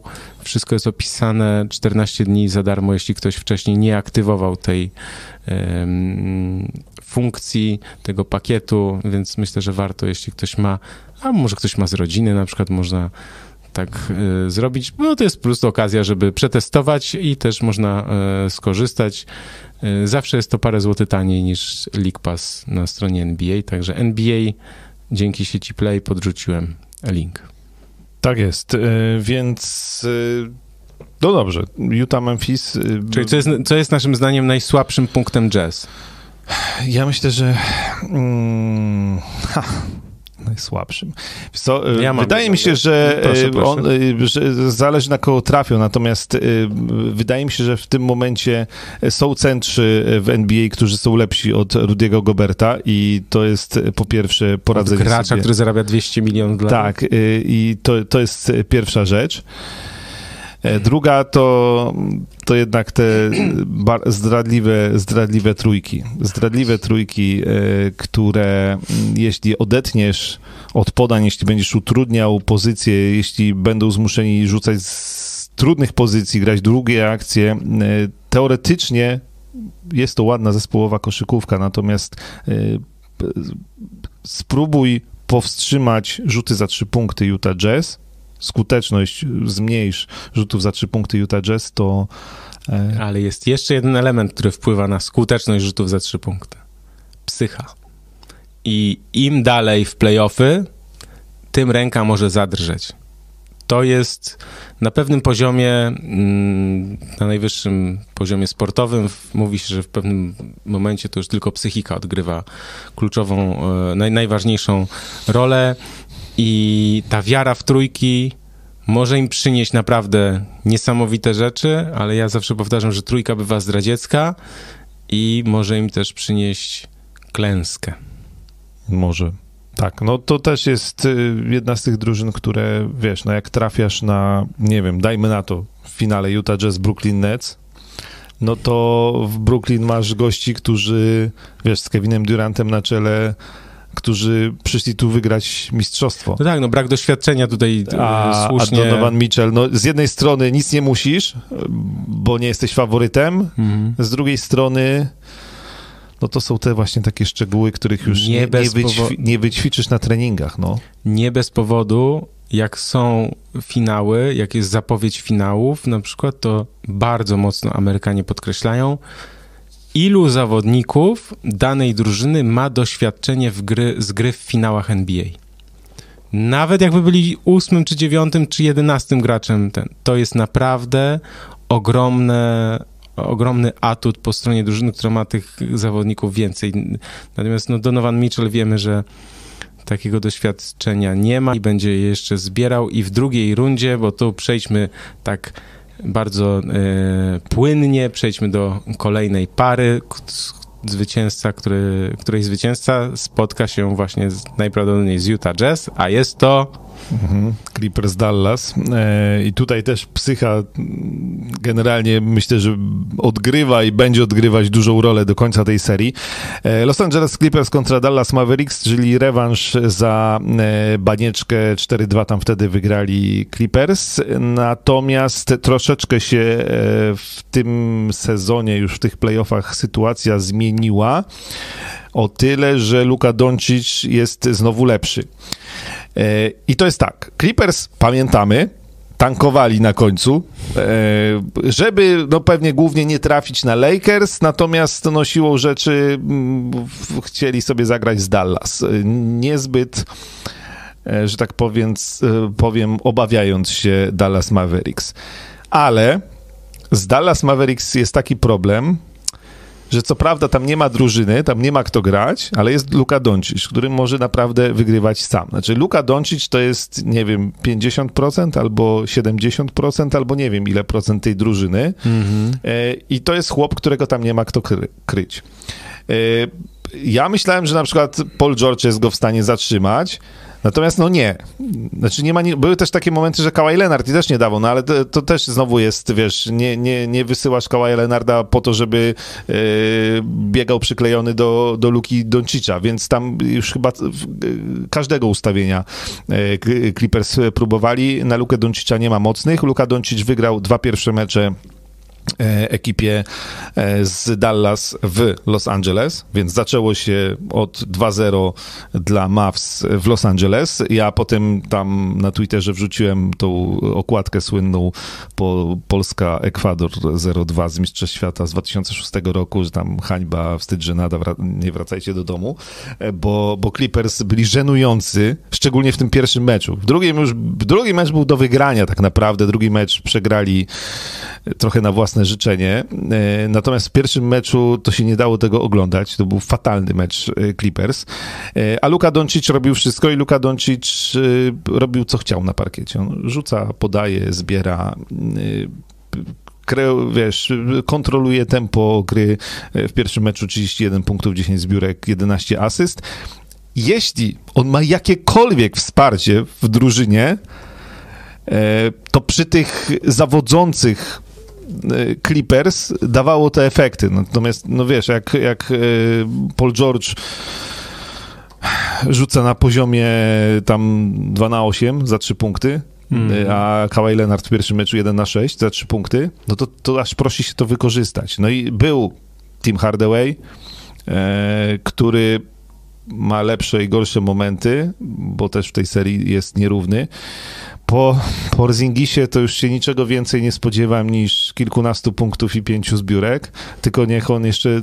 Tro, przy, Niech on dogra. niech on da, no, ale niech on przynajmniej przyzwoicie za trzy rzuca, bo, bo to tego, by- znaczy, nie dobra, o Porzingisie nie wiem, czy nam się chce gadać znowu, bo, Nie, nie, nie. bo to już nic z tego Szkoda nie będzie. prądu. E, więc, e, więc wykorzystali tych słabszych Clippers, y, świetną grę Luki Doncicza, wygrali dwa pierwsze mecze. Wróciliśmy do Dallas, Hmm.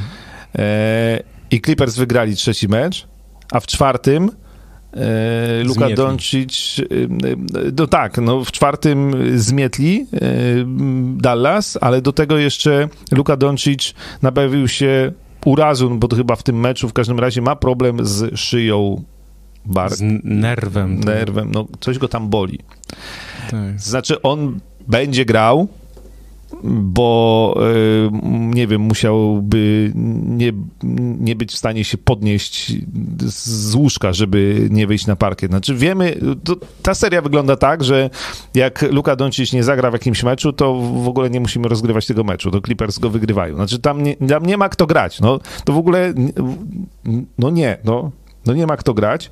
E, Ja się w ogóle dziwię, że Clippers przegrali te dwa pierwsze mecze. Bo Trochę, nawet z trochę Luką, zlekceważyli ich chyba. no może, no, nawet z Luką Doncicem powinni wygrywać, bo tam na każdej pozycji masz lepszych koszykarzy Mhm. i powinni przynajmniej ten drugi mecz wygrać, ale dobra, Wiesz, co się przegrali. zmieniło w tych, ty, tych meczach numer 3 i 4?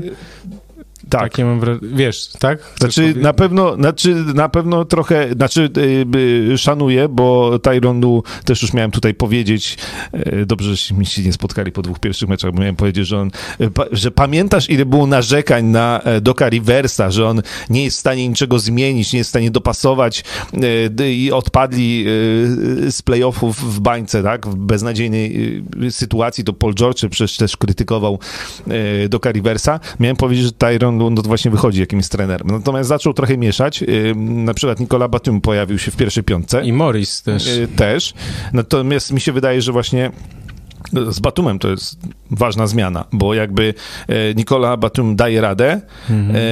i też dzięki temu Zubacz wchodzi z ławki, zupełnie gra, no wiesz, przeciwko innym zawodnikom, raz tym tam powiedzmy bardziej zmęczonym albo rezerwowym, natomiast tutaj wychodził na początku e, i był niemiłosiernie na pick and rollach ogrywany Tak, bo jak, jak, szło przekaza- jak szło przekazanie, to to było wykorzystywane niemiłosiernie, tak? Więc yy, On trener był Clippers musiał zmienić taktykę, wychodzi niższym składem, Marcus Morris yy, na centrze tak naprawdę. Yy, Reggie Jackson też się e, w tej serii nam objawia Tak. z bardzo dobrą grą. Je, d- więc tak, generalnie dobra, to ja już tak kończąc ten przydługi wywód, tak, to jest ważne, żeby powiedzieć, że rzeczywiście Tyron Lu tutaj pozmieniał Mhm. i skład, i taktykę. Jak ja bym miał teraz powiedzieć po czterech meczach i mając gdzieś tam z tyłu głowy, że jednak Luka no, w czwartym meczu zagrał już tak, tak se, delikatnie mówiąc. E, tak, ale trochę też nie można oczekiwać, że gość będzie sam wiózł to wszystko na swoich barkach i wiesz, i, i po 50 rzucał w każdym meczu. No. Nie, no tam chyba 19 i pudłował strasznie też z dystansu Luka Doncic. Jakby w tych trzech- pierwszych meczach zagrał świetnie, natomiast to już chyba było widać, że on rzeczywiście ma, ma jakiś tam problem e, z tą szyją e, i łącząc to wszystko, no to wydaje mi się, że ta seria jednak skończy się 4-2 dla Clippers. Może 4-3, ale, ale wydaje mi się, że, że, że, Może Clip- że Clippers... Znaczy, moim zdaniem te- pierwsze dwa mecze y, mieliśmy wrażenie, że w ogóle Clippers, co tu się stało, w ogóle, że tragedia. Natomiast oni włączyli ten, wiesz, tr- trzeci bieg, redukcję, re, redukcja i, i dopiero wcisnęli gaz i w tym trzecim i czwartym meczu pokazali na to, na co ich stać, bo ja przypominam, że my przecież mówiliśmy o tym y, przed playoffami, że Clippers mają wszystko, co jest potrzebne, żeby w tym finale na zachodzie się znaleźć, a nawet może i w wielkim finale NBA, tak? Natomiast te dwa pierwsze mecze nas w ogóle zaskoczyły mocno, rozczarowały i nie wiedzieliśmy w ogóle, co się dzieje y, z Clippersami. Jeszcze, jeszcze trener i Paul George, który mówi, że nie, w ogóle ja nie, nie co, ale jakiś w ogóle ktoś będzie się przejmował czymś, jakoś, jakieś obawy mam przed... Nie, nie. Przy czym warto też wspomnieć, że tylko cztery drużyny w historii awansowały od 0-2 przegranych dwóch meczów u siebie. Więc oni mogą być piątą drużyną w historii, która od 0-2, yy, prze, że pierwsze dwa mecze przegrane u siebie, że awansuje do kolejnej rundy. Natomiast widać, że no tam sztab Clippers odrobił pracę domową. E, Tim Hardaway Jr., który był rewelacyjny w tych pierwszych dwóch meczach, 21-28 punktów, w pierwszym 5 na 9 za 3, w drugim 6 na 8, no to już potem w kolejnym 4 na 6 i potem 0 na 4, tak? Mhm. Czyli już, już też wiedzieli, jak go... e, W ogóle 1, 1 na 8 z gry w, w tym ostatnim meczu. tak, no więc to już, no ale to jeden mecz to się powiedzmy, Mm. powiedzmy, że takie rzeczy się zdarzają, ale, ale no po tak świetnych dwóch meczach, no i tutaj kolejni po prostu defensorzy weszli em, weszli na wy, wyższe obroty, ta zmiana taktyki, Patrick Beverly, który moim zdaniem no, nie nadaje się już do grania w koszykówkę na takim poziomie, em, że tu jest no, duży plus dla, dla Clippers, yy, bo te mecze dwa pokazały, że jednak oni są tą drużyną, którą my pamiętamy z sezonu zasadniczego. Ale jest jeszcze jedno ważne pytanie, które sobie też analitycy na całym świecie e, szukają odpowiedzi, czy zadają sobie to, to pytanie. Tylko pytanie jest takie, jacy są prawdziwi Clippers? Czy ci z pierwszych dwóch meczów, czy ci z tych dwóch ostatnich meczów? No i to jest dobre pytanie. Y, Jeszcze, bo, Bo tutaj... poczekaj, bo ja tylko powiem, Mhm. że o ile w przypadku, nie wiem, niektórych drużyn jestem pewien, tak? Na przykład, nie wiem, po pierwszym meczu Utah-Memphis, no super, fajnie i tak dalej, ale wiadomo, że Utah jest faworytem i tak dalej. Że, że z Milwaukee byłem pewien, że, że są faworytami. Że z Celtics, yy, że Brooklyn Nets, wiadomo, tak? Philadelphia, wiadomo. Natomiast tutaj jest tak, że tak do końca nie wiesz, co siedzi w głowach tych zawodników i są osoby, które sobie zadają pytanie, czy na pewno Clippers to są, są właśnie tą drużyną, czy to nie, czy to nie przerosło graczy Dallas? To jest pytanie, na, na które ja w tej chwili nie znam odpowiedzi, tak naprawdę. Wydaje mi się, jestem bliższy tego, że to jest jednak drużyna, która jest bardzo mocna i bardzo silna i która zaraz wygra z Dallas 4-2, tak mi się wydaje po tym, jak zagrali w tych dwóch meczach i jak słabo zagrali Mavs, ale z drugiej strony pamiętam, co się wydarzyło w zeszłym roku i no tu bym się nie założył. Co, to chyba wracamy trochę do tematu taktyki. Ja tylko jeszcze y, wróć. Wracamy do tematu psychiki, A, no właśnie. Ale tylko dodam, że oczywiście, bo tu widziałem w jednym z komentarzy, nie zapominamy o Rażonie Rondo, bo Rażon Rondo Oczywiście, włączył no opcję tak, playoff i generalnie jak wchodzi z ławki, to, to też, no ale to jakby w ogóle e, pamiętajmy, że DeMarcus Cousins sobie siedzi na ławce rezerwowych i nie gra na razie w playoffach.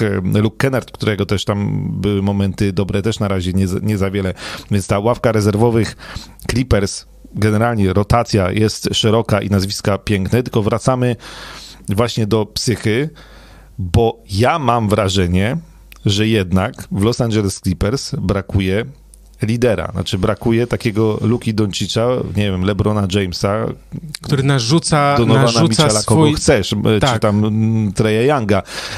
Nie jest nim Kawhi Leonard, nie, Nie jest, jest. nim Paul George. Znaczy, to są świetni zawodnicy, ale oni się najlepiej odnajdują, jak właśnie mają jeszcze kogoś y, obok siebie, jakiś taki spokój, że oni nie muszą robić wszystkie, znaczy niby Tak jak Ka- był Kyle Laury, tak jak był Tony Tak. Parker dla Wiesz, Leonarda. mógł być Kawhi Leonard MVP y, finałów i największą gwiazdą, ale miał takim generałem na boisku by był Kyle Lowry w, w mm, Toronto. Tak. E, I, I to jest taki problem, mam wrażenie, trochę no, mentalny i, i nie, do, nie, do przesko- nie do przeskoczenia. No, nie zmienisz Kawaja Lenarda. E, Też pytanie, jak on wiesz, bo teraz, że z Dallas sobie poradzą, no to wydaje mi się, że no, no jak sobie nie poradzą, to, to znaczy, że już jest w ogóle coś nie tak z tą drużyną, e, bo, bo są po prostu mocniejsi, no bo no, no dobra, no Luka Doncic, ale, ale, ale oprócz tego to nic, nic więcej. Natomiast też pytanie, y, co dalej, na przykład Kawhi Leonard, to już mam wrażenie, nie jest ten zawodnik z Toronto Raptors, e, także fizycznie, oczywiście on może jeszcze grać wiel... Właśnie, może grać wielkie mecze, może wygrywać. Mm, Dobra, wracam do twojego pytania. I tak naprawdę, kto, który Kawhi Leonard jest prawdziwy i którzy Clippers są prawdziwi znaczy i na co no. ich y, tak naprawdę stać? Bo na papierze, jak popatrzysz na nazwiska, no to to jest najmocniejszy skład obok Lakers wciąż y, na zachodzie, jeśli wszyscy są zdrowi. No. Tak, ale ja powiem jeszcze tylko jedną rzecz. Znaczy, Kawhi Leonard gra, wiesz, w drugim meczu 67% skuteczności, w trzecim 76% i w czwartym 73% gość jest maszyną w tych 26, 41, 36, 29. Nikt nie odbiera tego, że on jest rewelacyjnym koszykarzem. Skuteczność, obrona, yy, zbiórki, asysty, bloki, przechwyty, wszystko się dzieje. Tylko jest taki problem, to co, to co powiedziałeś, i ja chciałbym to powtórzyć, żeby to tak mocniej wybrzmiało, że jaki jest problem Clippers, czego, co może, czego może im zabraknąć właśnie w tej walce o finał że ani Kawhi Leonard, ani Paul George nie są tymi zawodnikami, tak jak powiedziałeś, tak jak Doncic, tak jak nawet Trey Young, że nie są tacy, którzy narzucają swój styl gry, narzucają tempo. Tylko to trochę wygląda tak, że jeśli oni nie zrobią dużej przewagi, to gonią króliczka, gonią tego Doncicia, dostosowują się do niego. Czyli nawet jak zdobywają punkty, to potem Luka Doncic narzuca im swój styl gry i swoje tempo i oni tak, zdobędą punkty, ale to są szybkie punkty albo takie po prostu, które nie zmieniają trochę obrazu spotkania. No nie wiem jak to, nie wiem do końca jak to też wytłumaczyć, czy powiedzieć, yy, żeby to zostało zrozumiane, że no że to raczej Clippers dostosowują się do stylu gry rywala niż na odwrót, a powinno być na odwrót, tak? O ile oczywiście teraz w tych dwóch ostatnich meczach to się udało, uzyskali wysoką przewagę, prowadzili, zdobywali ważne punkty, ale tu gdzieś mi się taka ta lampka zapala, czy w meczach takich, wiesz, indywidualności, tak, pojedynku takich y, naprawdę największych gwiazd NBA, czy nie zabraknie im tego, że właśnie zmuszenia rywala do dostosowania się do, do niego, tak? Do, do nich, tak? No, to... no tak, no bo wiesz, patrzymy na, na skład i, i wiesz, i tutaj nie masz pytania, jak nie wiem, masz, przyjdzie im grać na przykład z Utah Jazz czy z Lakers, zdrowymi na przykład, y, to jest ileś tam pytań, co zrobić. Tu, tu masz, z, Dal, z Dallas masz, masz y, jedno pytanie, znaczy, jak ograniczyć, y, powstrzymać czy ograniczyć lukę Doncicza?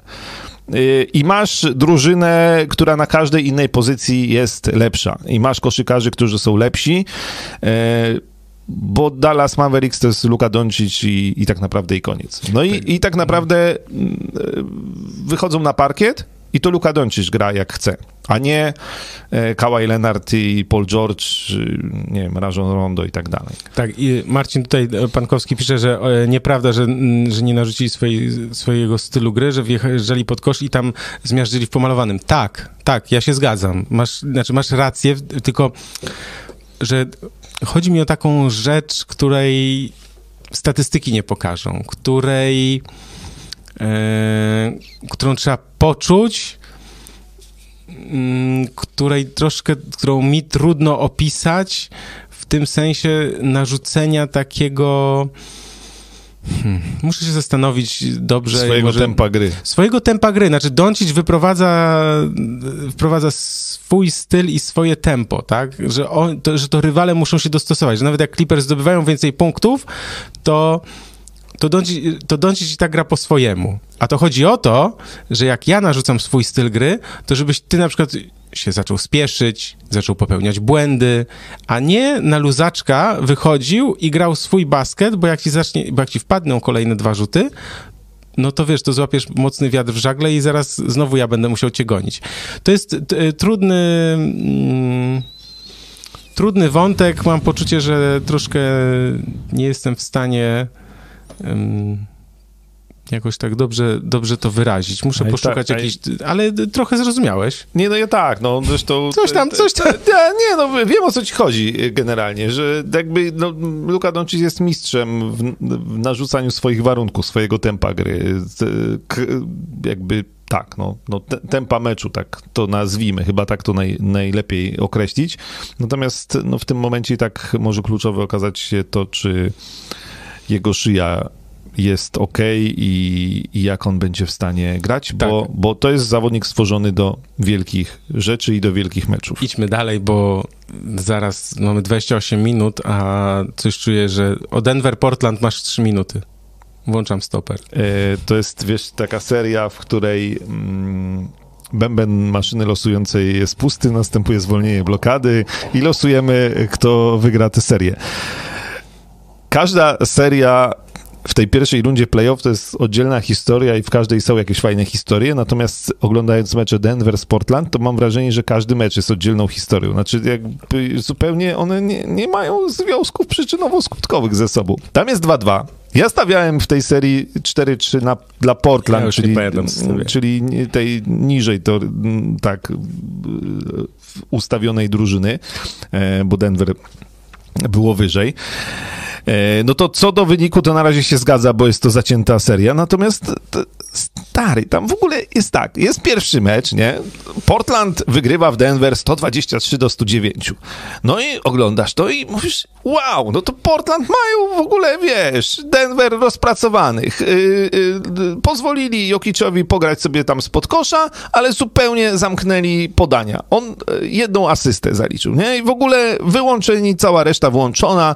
Lillard 34 punkty, Carmelo Antony wchodzi z ławki, wiesz, 18 punktów rzuca tam reszta ten, e, Nurki czy nawet Enes Kanter sobie tam jakoś radzą z, z Jokiczem pod koszem. Fajnie.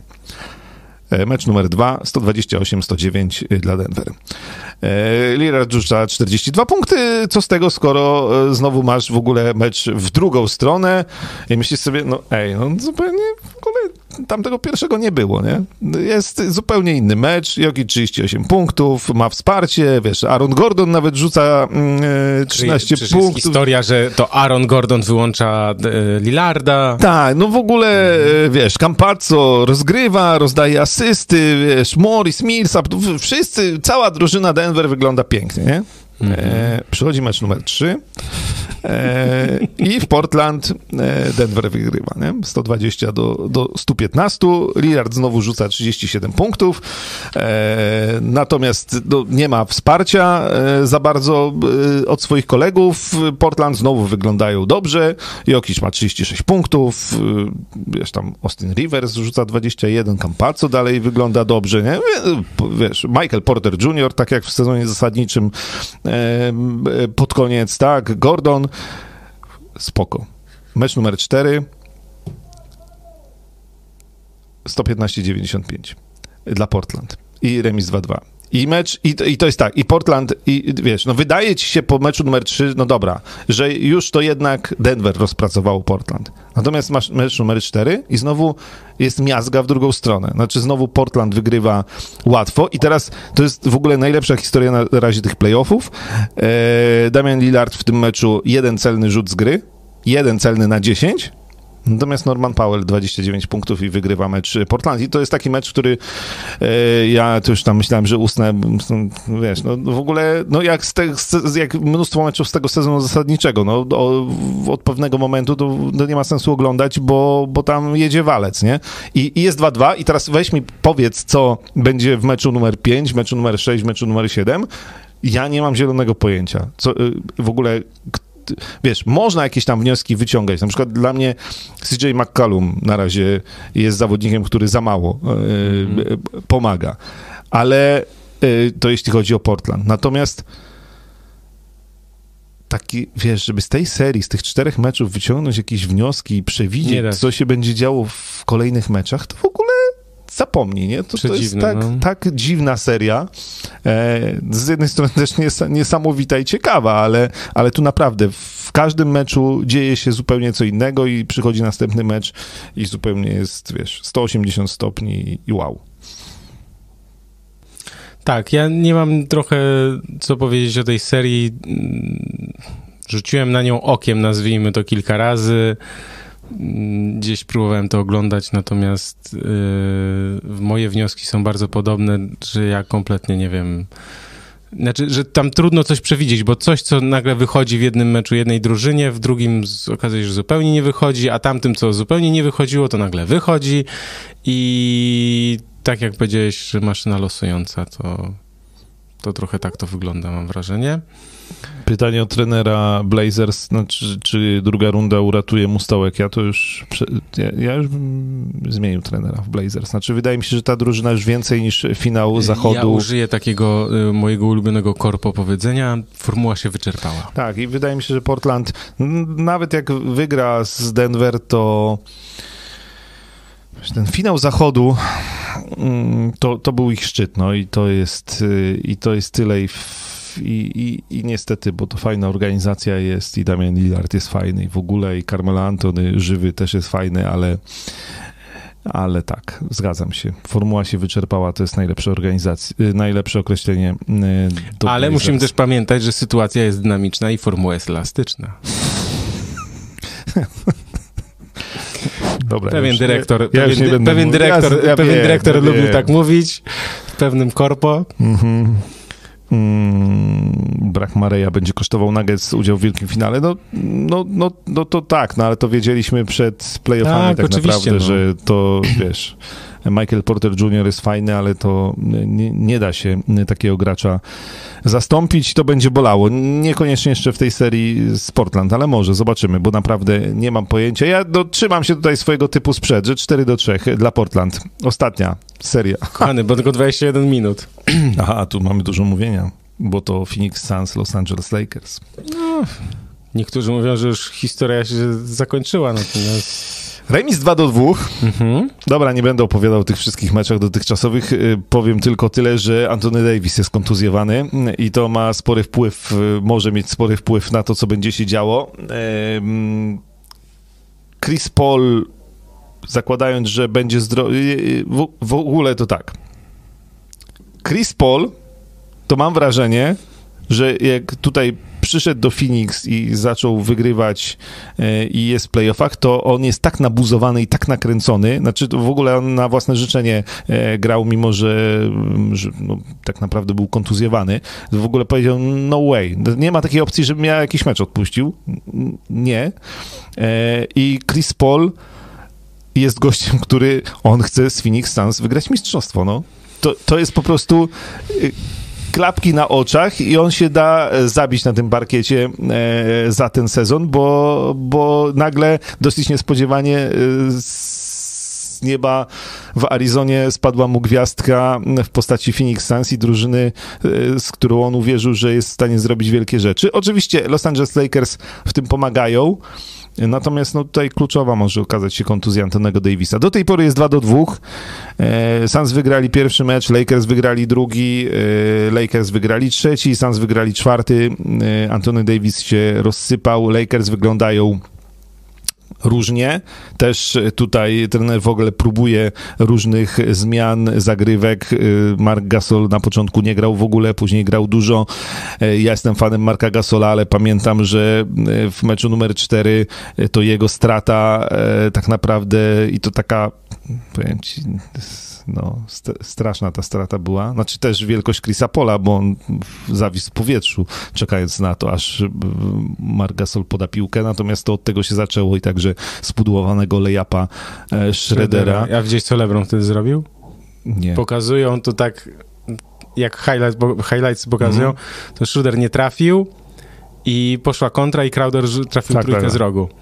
A LeBron został pod koszem i to było takie a no tak, no, że już nie wrócił do... Tak, to już, to już nie, było takie że body jest... language, jak to, jak a, to się a, mówi, a. to już było takie na zasadzie widać, że już jest po jabłkach. No. Tak, więc, y, więc y, to no, największym problemem jeśli Antonego Davisa ma już nie być w tej serii, na pewno nie będzie go w najbliższym meczu, no to mam wrażenie, że Lakers będzie bardzo trudno e, wygrać tę serię, bo yy, znaczy, tam jeszcze jest kilka pytań. Znaczy, jedno, jedna rzecz, która e, mnie bardzo ciekawi, to znaczy e, Phoenix Suns mają przewagę pod koszem, bo DeAndre Ayton gra Niebywałe, no, co? Nie, no, e, wiesz, no ja, chłop, który ma być jednym z najlepszych centrów e, w lidze. Znaczy, on jest najlepszym centrem e, na parkiecie w tej parze, absolutnie. I to nie był, wiesz, myślałem po pierwszym meczu, dobra, ła- znaczy ja, ja generalnie e, jestem jakimś tam fanem jego talentu, natomiast po pierwszym meczu e, myślałem sobie, no przecież to nie będzie wyglądało tak w każdym, na razie tak wygląda. Znaczy, on e, niszczy w pomalowanym i z jednej i z drugiej strony parkietu. E, Andre Drummond mm, gra przeciętnie, od przeciętnie do bardzo słabo. E, Mark Gasol no, jest już trochę stary jednak i ma dobre momenty i rzuci trójkę. A natomiast... gdzie jest Harrell? No i właśnie. Uwolnić Harrella. No i, a tak, a Harley siedzi na ławce rezerwowych, no to po to on odchodził e, z Clippers z, z wielkim krzykiem do Lakers, żeby teraz w playoffach siedzieć na ławce rezerwowych. Nie wiem, e, czy on jest, nie wiem, bez formy totalnie, czy nie pasuje tu do jakiejś koncepcji. Znaczy, mi tu by wszystko pasowało do koncepcji, bo na razie w pomalowanym to, a teraz jeszcze bez Davisa, no to już w ogóle będzie słabo. Mm, I to jest jedna rzecz. Mhm. A druga, to gdzie, znaczy w, jak, w jakiej formie jest LeBron James? Nie, ja chciałem zapytać, a gdzie jest LeBron James? Nie, ale nie, bo ja, bo, poczekaj, bo ty chcesz mi powiedzieć, że on jest, y, y, że nie dojechał trochę, tak? Na te playoffy, na, te, na tą serię? Wiesz co? Ten ostatni, n- inaczej, inaczej. To przeciwko, Le... Z królem się nie zadziera i lepiej, lepiej takich złośliwości tutaj nie mówić, bo on to wszystko usłyszy i zapamięta. Ale gość jest nieobecny tak naprawdę. W sensie, jeśli chodzi o formę, yy, to ja rozumiem, że Anton Davis wygrał im drugi mecz i jasne, oczywiście. Natomiast LeBron James rzucający 7, 9, 5 i 7 razy za 3 punkty. Kiedy zabrakło Davisa w tym ostatnim meczu, LeBron też, też duża w tym zasługa Crowdera, to trzeba też powiedzieć. Natomiast LeBron był niewidoczny, to znaczy on owszem parę razy popisał się bardzo efektownymi akcjami, natomiast yy, nie, był, to nie ma tego Lebrona, który, wiesz, stańcie szeroko, ja to załatwię. Tylko jest, ja nie, nie cierpię tego, kozioł, kozioł, kozioł i bam z siódmego metra. Tu parę razy, czasami się zdarza, że, że wpada, to fajnie, natomiast to jest w ogóle najgorsza taktyka, jeśli, jeśli w ogóle w jego przypadku, tak, bo on jest, przecież nie rzuca na 45% za trzy. E, to uciekanie do trójek jest bezsensowne. Brak takiej gry na, na tym, na kontakcie takiego właśnie, wiesz, widać, że, że już że nie ma tego dynamitu w nogach, tak? Że, że on trochę, że, inaczej, że on trochę jakby ucieka od tej gry takiej, do której nas przyzwyczaił, czyli takiego piłka pod pachę, ja się wpierniczę razem z trzema gośćmi albo podam na czystą pozycję, do, wiesz, do trójki. Nie ma tego Caldwell Pope'a, yy, żeby to odmienić.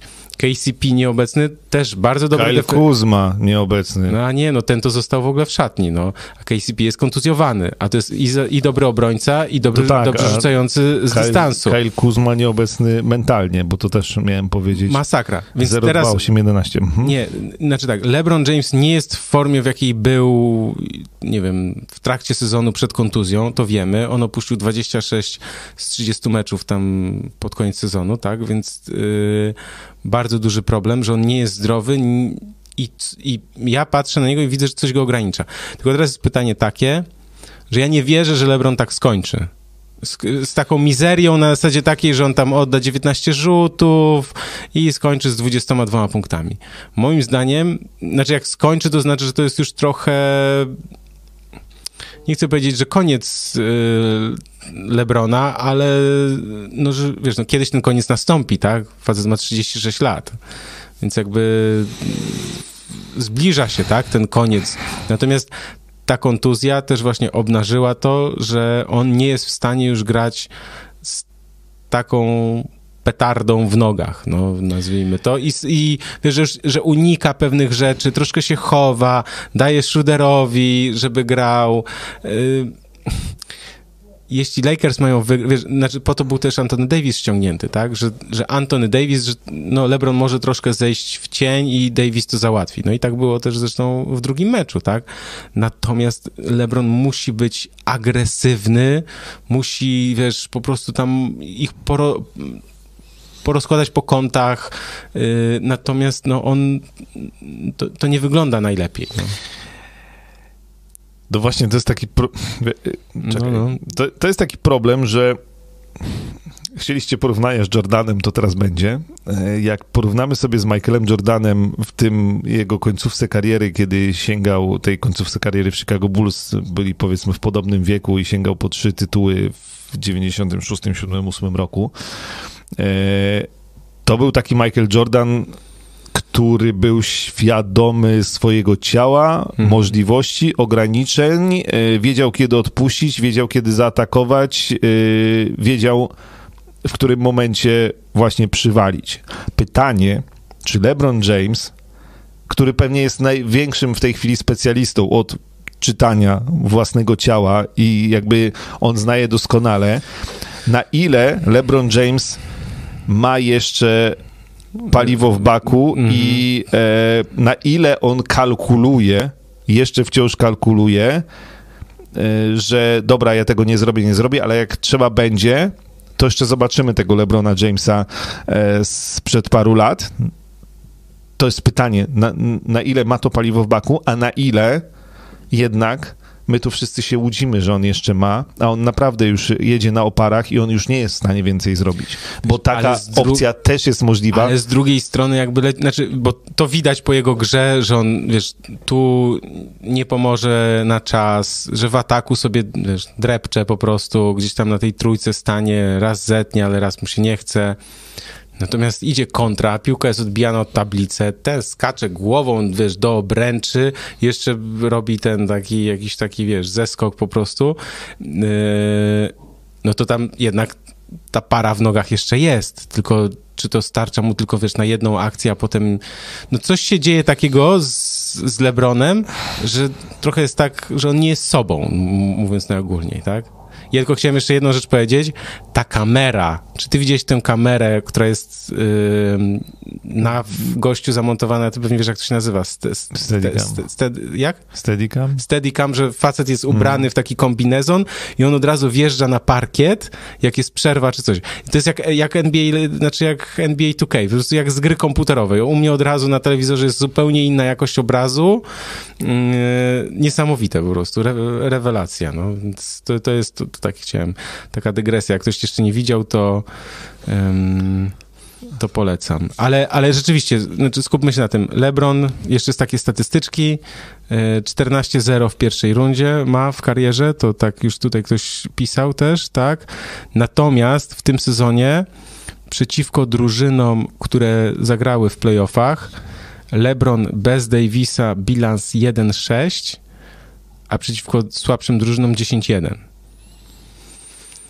Więc też. Mm, może być ciężko, także dlatego, że dobra, bo jest LeBron, o którym mówimy, Davis, którego teraz nie będzie. Mhm. Paru ludzi nie dojechało na te playoffy z Lakers, bo, bo i Dramond i ze Schroederem to też mam poważne problemy i Kuzma, który e, no, który po prostu pudłuje, no po prostu nie trafia e, i, i myślę, że tą listę można by jeszcze wydłużać. Z drugiej strony Phoenix Suns naładowani energią e, Właśnie, z oddajmy Polem, im, bo my tak się Ale wiesz, tam no. też oni grają ponad stan, bo DeAndre Ayton to raz, znaczy gra jak, tak jak powiedzieliśmy. Jak, A Cameron Payne?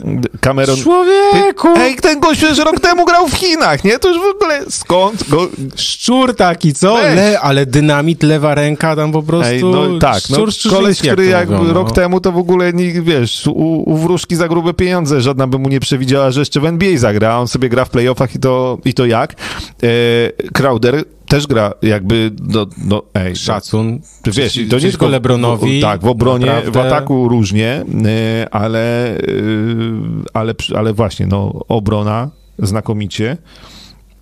I tak naprawdę, no i Devin Booker oczywiście. Nie no, to, no, to wiadomo, nie? No jakby, żeby tutaj nie zabrakło jego imienia. I e, Phoenix Suns grają swoje, Los Angeles Lakers zdrowi wciąż są faworytem do mistrzostwa, hmm. natomiast no nie są zdrowi. Znaczy, nie są widać, zdrowi. widać, że tak. LeBron ma problem i nie ma, nie będzie teraz Antonego Davisa i może się okazać za chwilę, że to się skończy 4-2 dla Phoenix Suns i pożegnamy w pierwszej rundzie mistrzów. Ale, ale, ale jeszcze jedna nie, ważna no. rzecz. Mówisz, Chris Paul nie dowoził, teraz dowozi i tak dalej. Ja tylko chciałem powiedzieć jedną rzecz, że ta seria się jeszcze nie skończyła. Nie no wiem, no oczywiście. I niestety, tak. jakbym kibicował Phoenix Suns, to byłbym naprawdę pełen obaw, bo nie takie rzeczy się działy w karierze Chrisa Pola. Przypomnijmy Houston Rockets i Golden State Warriors, tak, na, na, na widelcu. Tak, tak, tak. No. Nie, no, no, no, słuchaj, no, wydaje mi się, że to się nie, nie wydarzy, bo no może, w, wiesz, on Słuchaj, też zas zasługuje na to. Chris Paul zasługuje na to, żeby... gość, który przez lata był tak. uważany za najlepszego rozgrywającego w NBA, y, to po prostu y, ja chciałbym zobaczyć Chrisa Paula w finale NBA. No jakby tak, y, nie wiem, czy to się wydarzy. Widzę, że on też by chciał się zobaczyć w finale NBA. Wi widzę, że on jest, on jest tak nakręcony, że po prostu... Kto z nas by nie chciał się zobaczyć w finale No ale właśnie, więc, więc i wiesz, i ta gra z urazem i w ogóle, więc...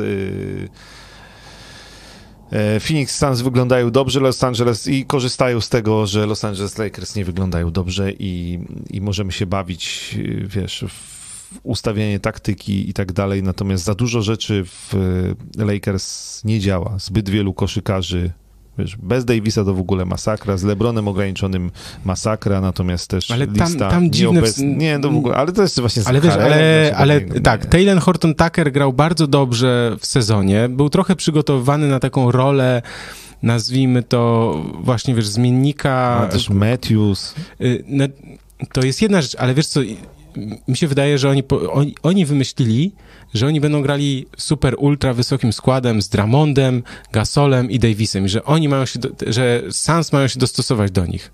Natomiast, sorry, ale to trochę jak pamiętasz tą serię w zeszłym sezonie z Houston Rockets, że tam ani McGee, ani Howard nie grali, bo Lakers się dostosowali mhm. do rywala, niższy skład. A jeszcze jedna rzecz. Ben McLemore to jest zawodnik, który wali truje po prostu jako szalały. Mhm. I wiesz, nie ma Caldwell Pope'a, trzeba wykorzystać ludzi, którzy, przepraszam za wrażenie, walą truje, no. A Taylor Horton Tucker był zawodnikiem, który po prostu mijał wszystkich jak tyczki, świetnie grał, kiedy nie było LeBrona i nie było Davisa. Więc nagle na najważniejsze, na najważniejszych zmienników poza, wiesz, Jamesem, Davisem, Schroederem i Dramondem wyrasta Gasol i Caruso. I nagle Harela też nie ma. A Kuzma to już w ogóle tragedia, no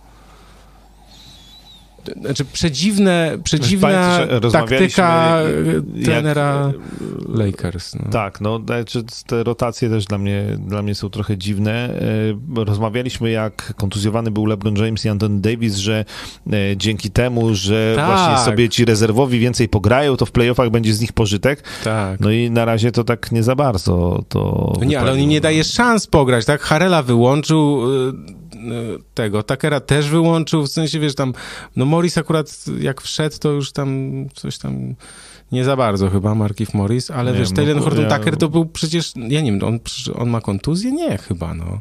Bo, bo może coś tam się stało, o czym nie wiemy, ale mi się wydaje, że że nie, nie wiem. W każdym razie, moim zdaniem, yy, błędy, błędy ustawienia Y, że gramy wysokim super składem, to jest raz.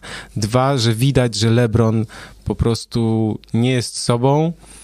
Y, I pytanie jest takie, czy on będzie sobą, to co powiedziałeś, już nie będziemy powtarzać, y, na ile on jest świadomy swoich ograniczeń, a na ile, na ile to jest tam naprawdę się coś dzieje złego, a na ile on wie, kiedy odpuszczać i tak dalej. To, to jest przedziwne. Natomiast ja i tak, jeśli mielibyśmy spojrzeć bo potem oni z kim grają? Z... Wygrany gra z Blazers Nuggets, tak? Mhm. To się może okazać, że ktoś z Blazers Nuggets zagra w finale konferencji w ogóle. Tak może być.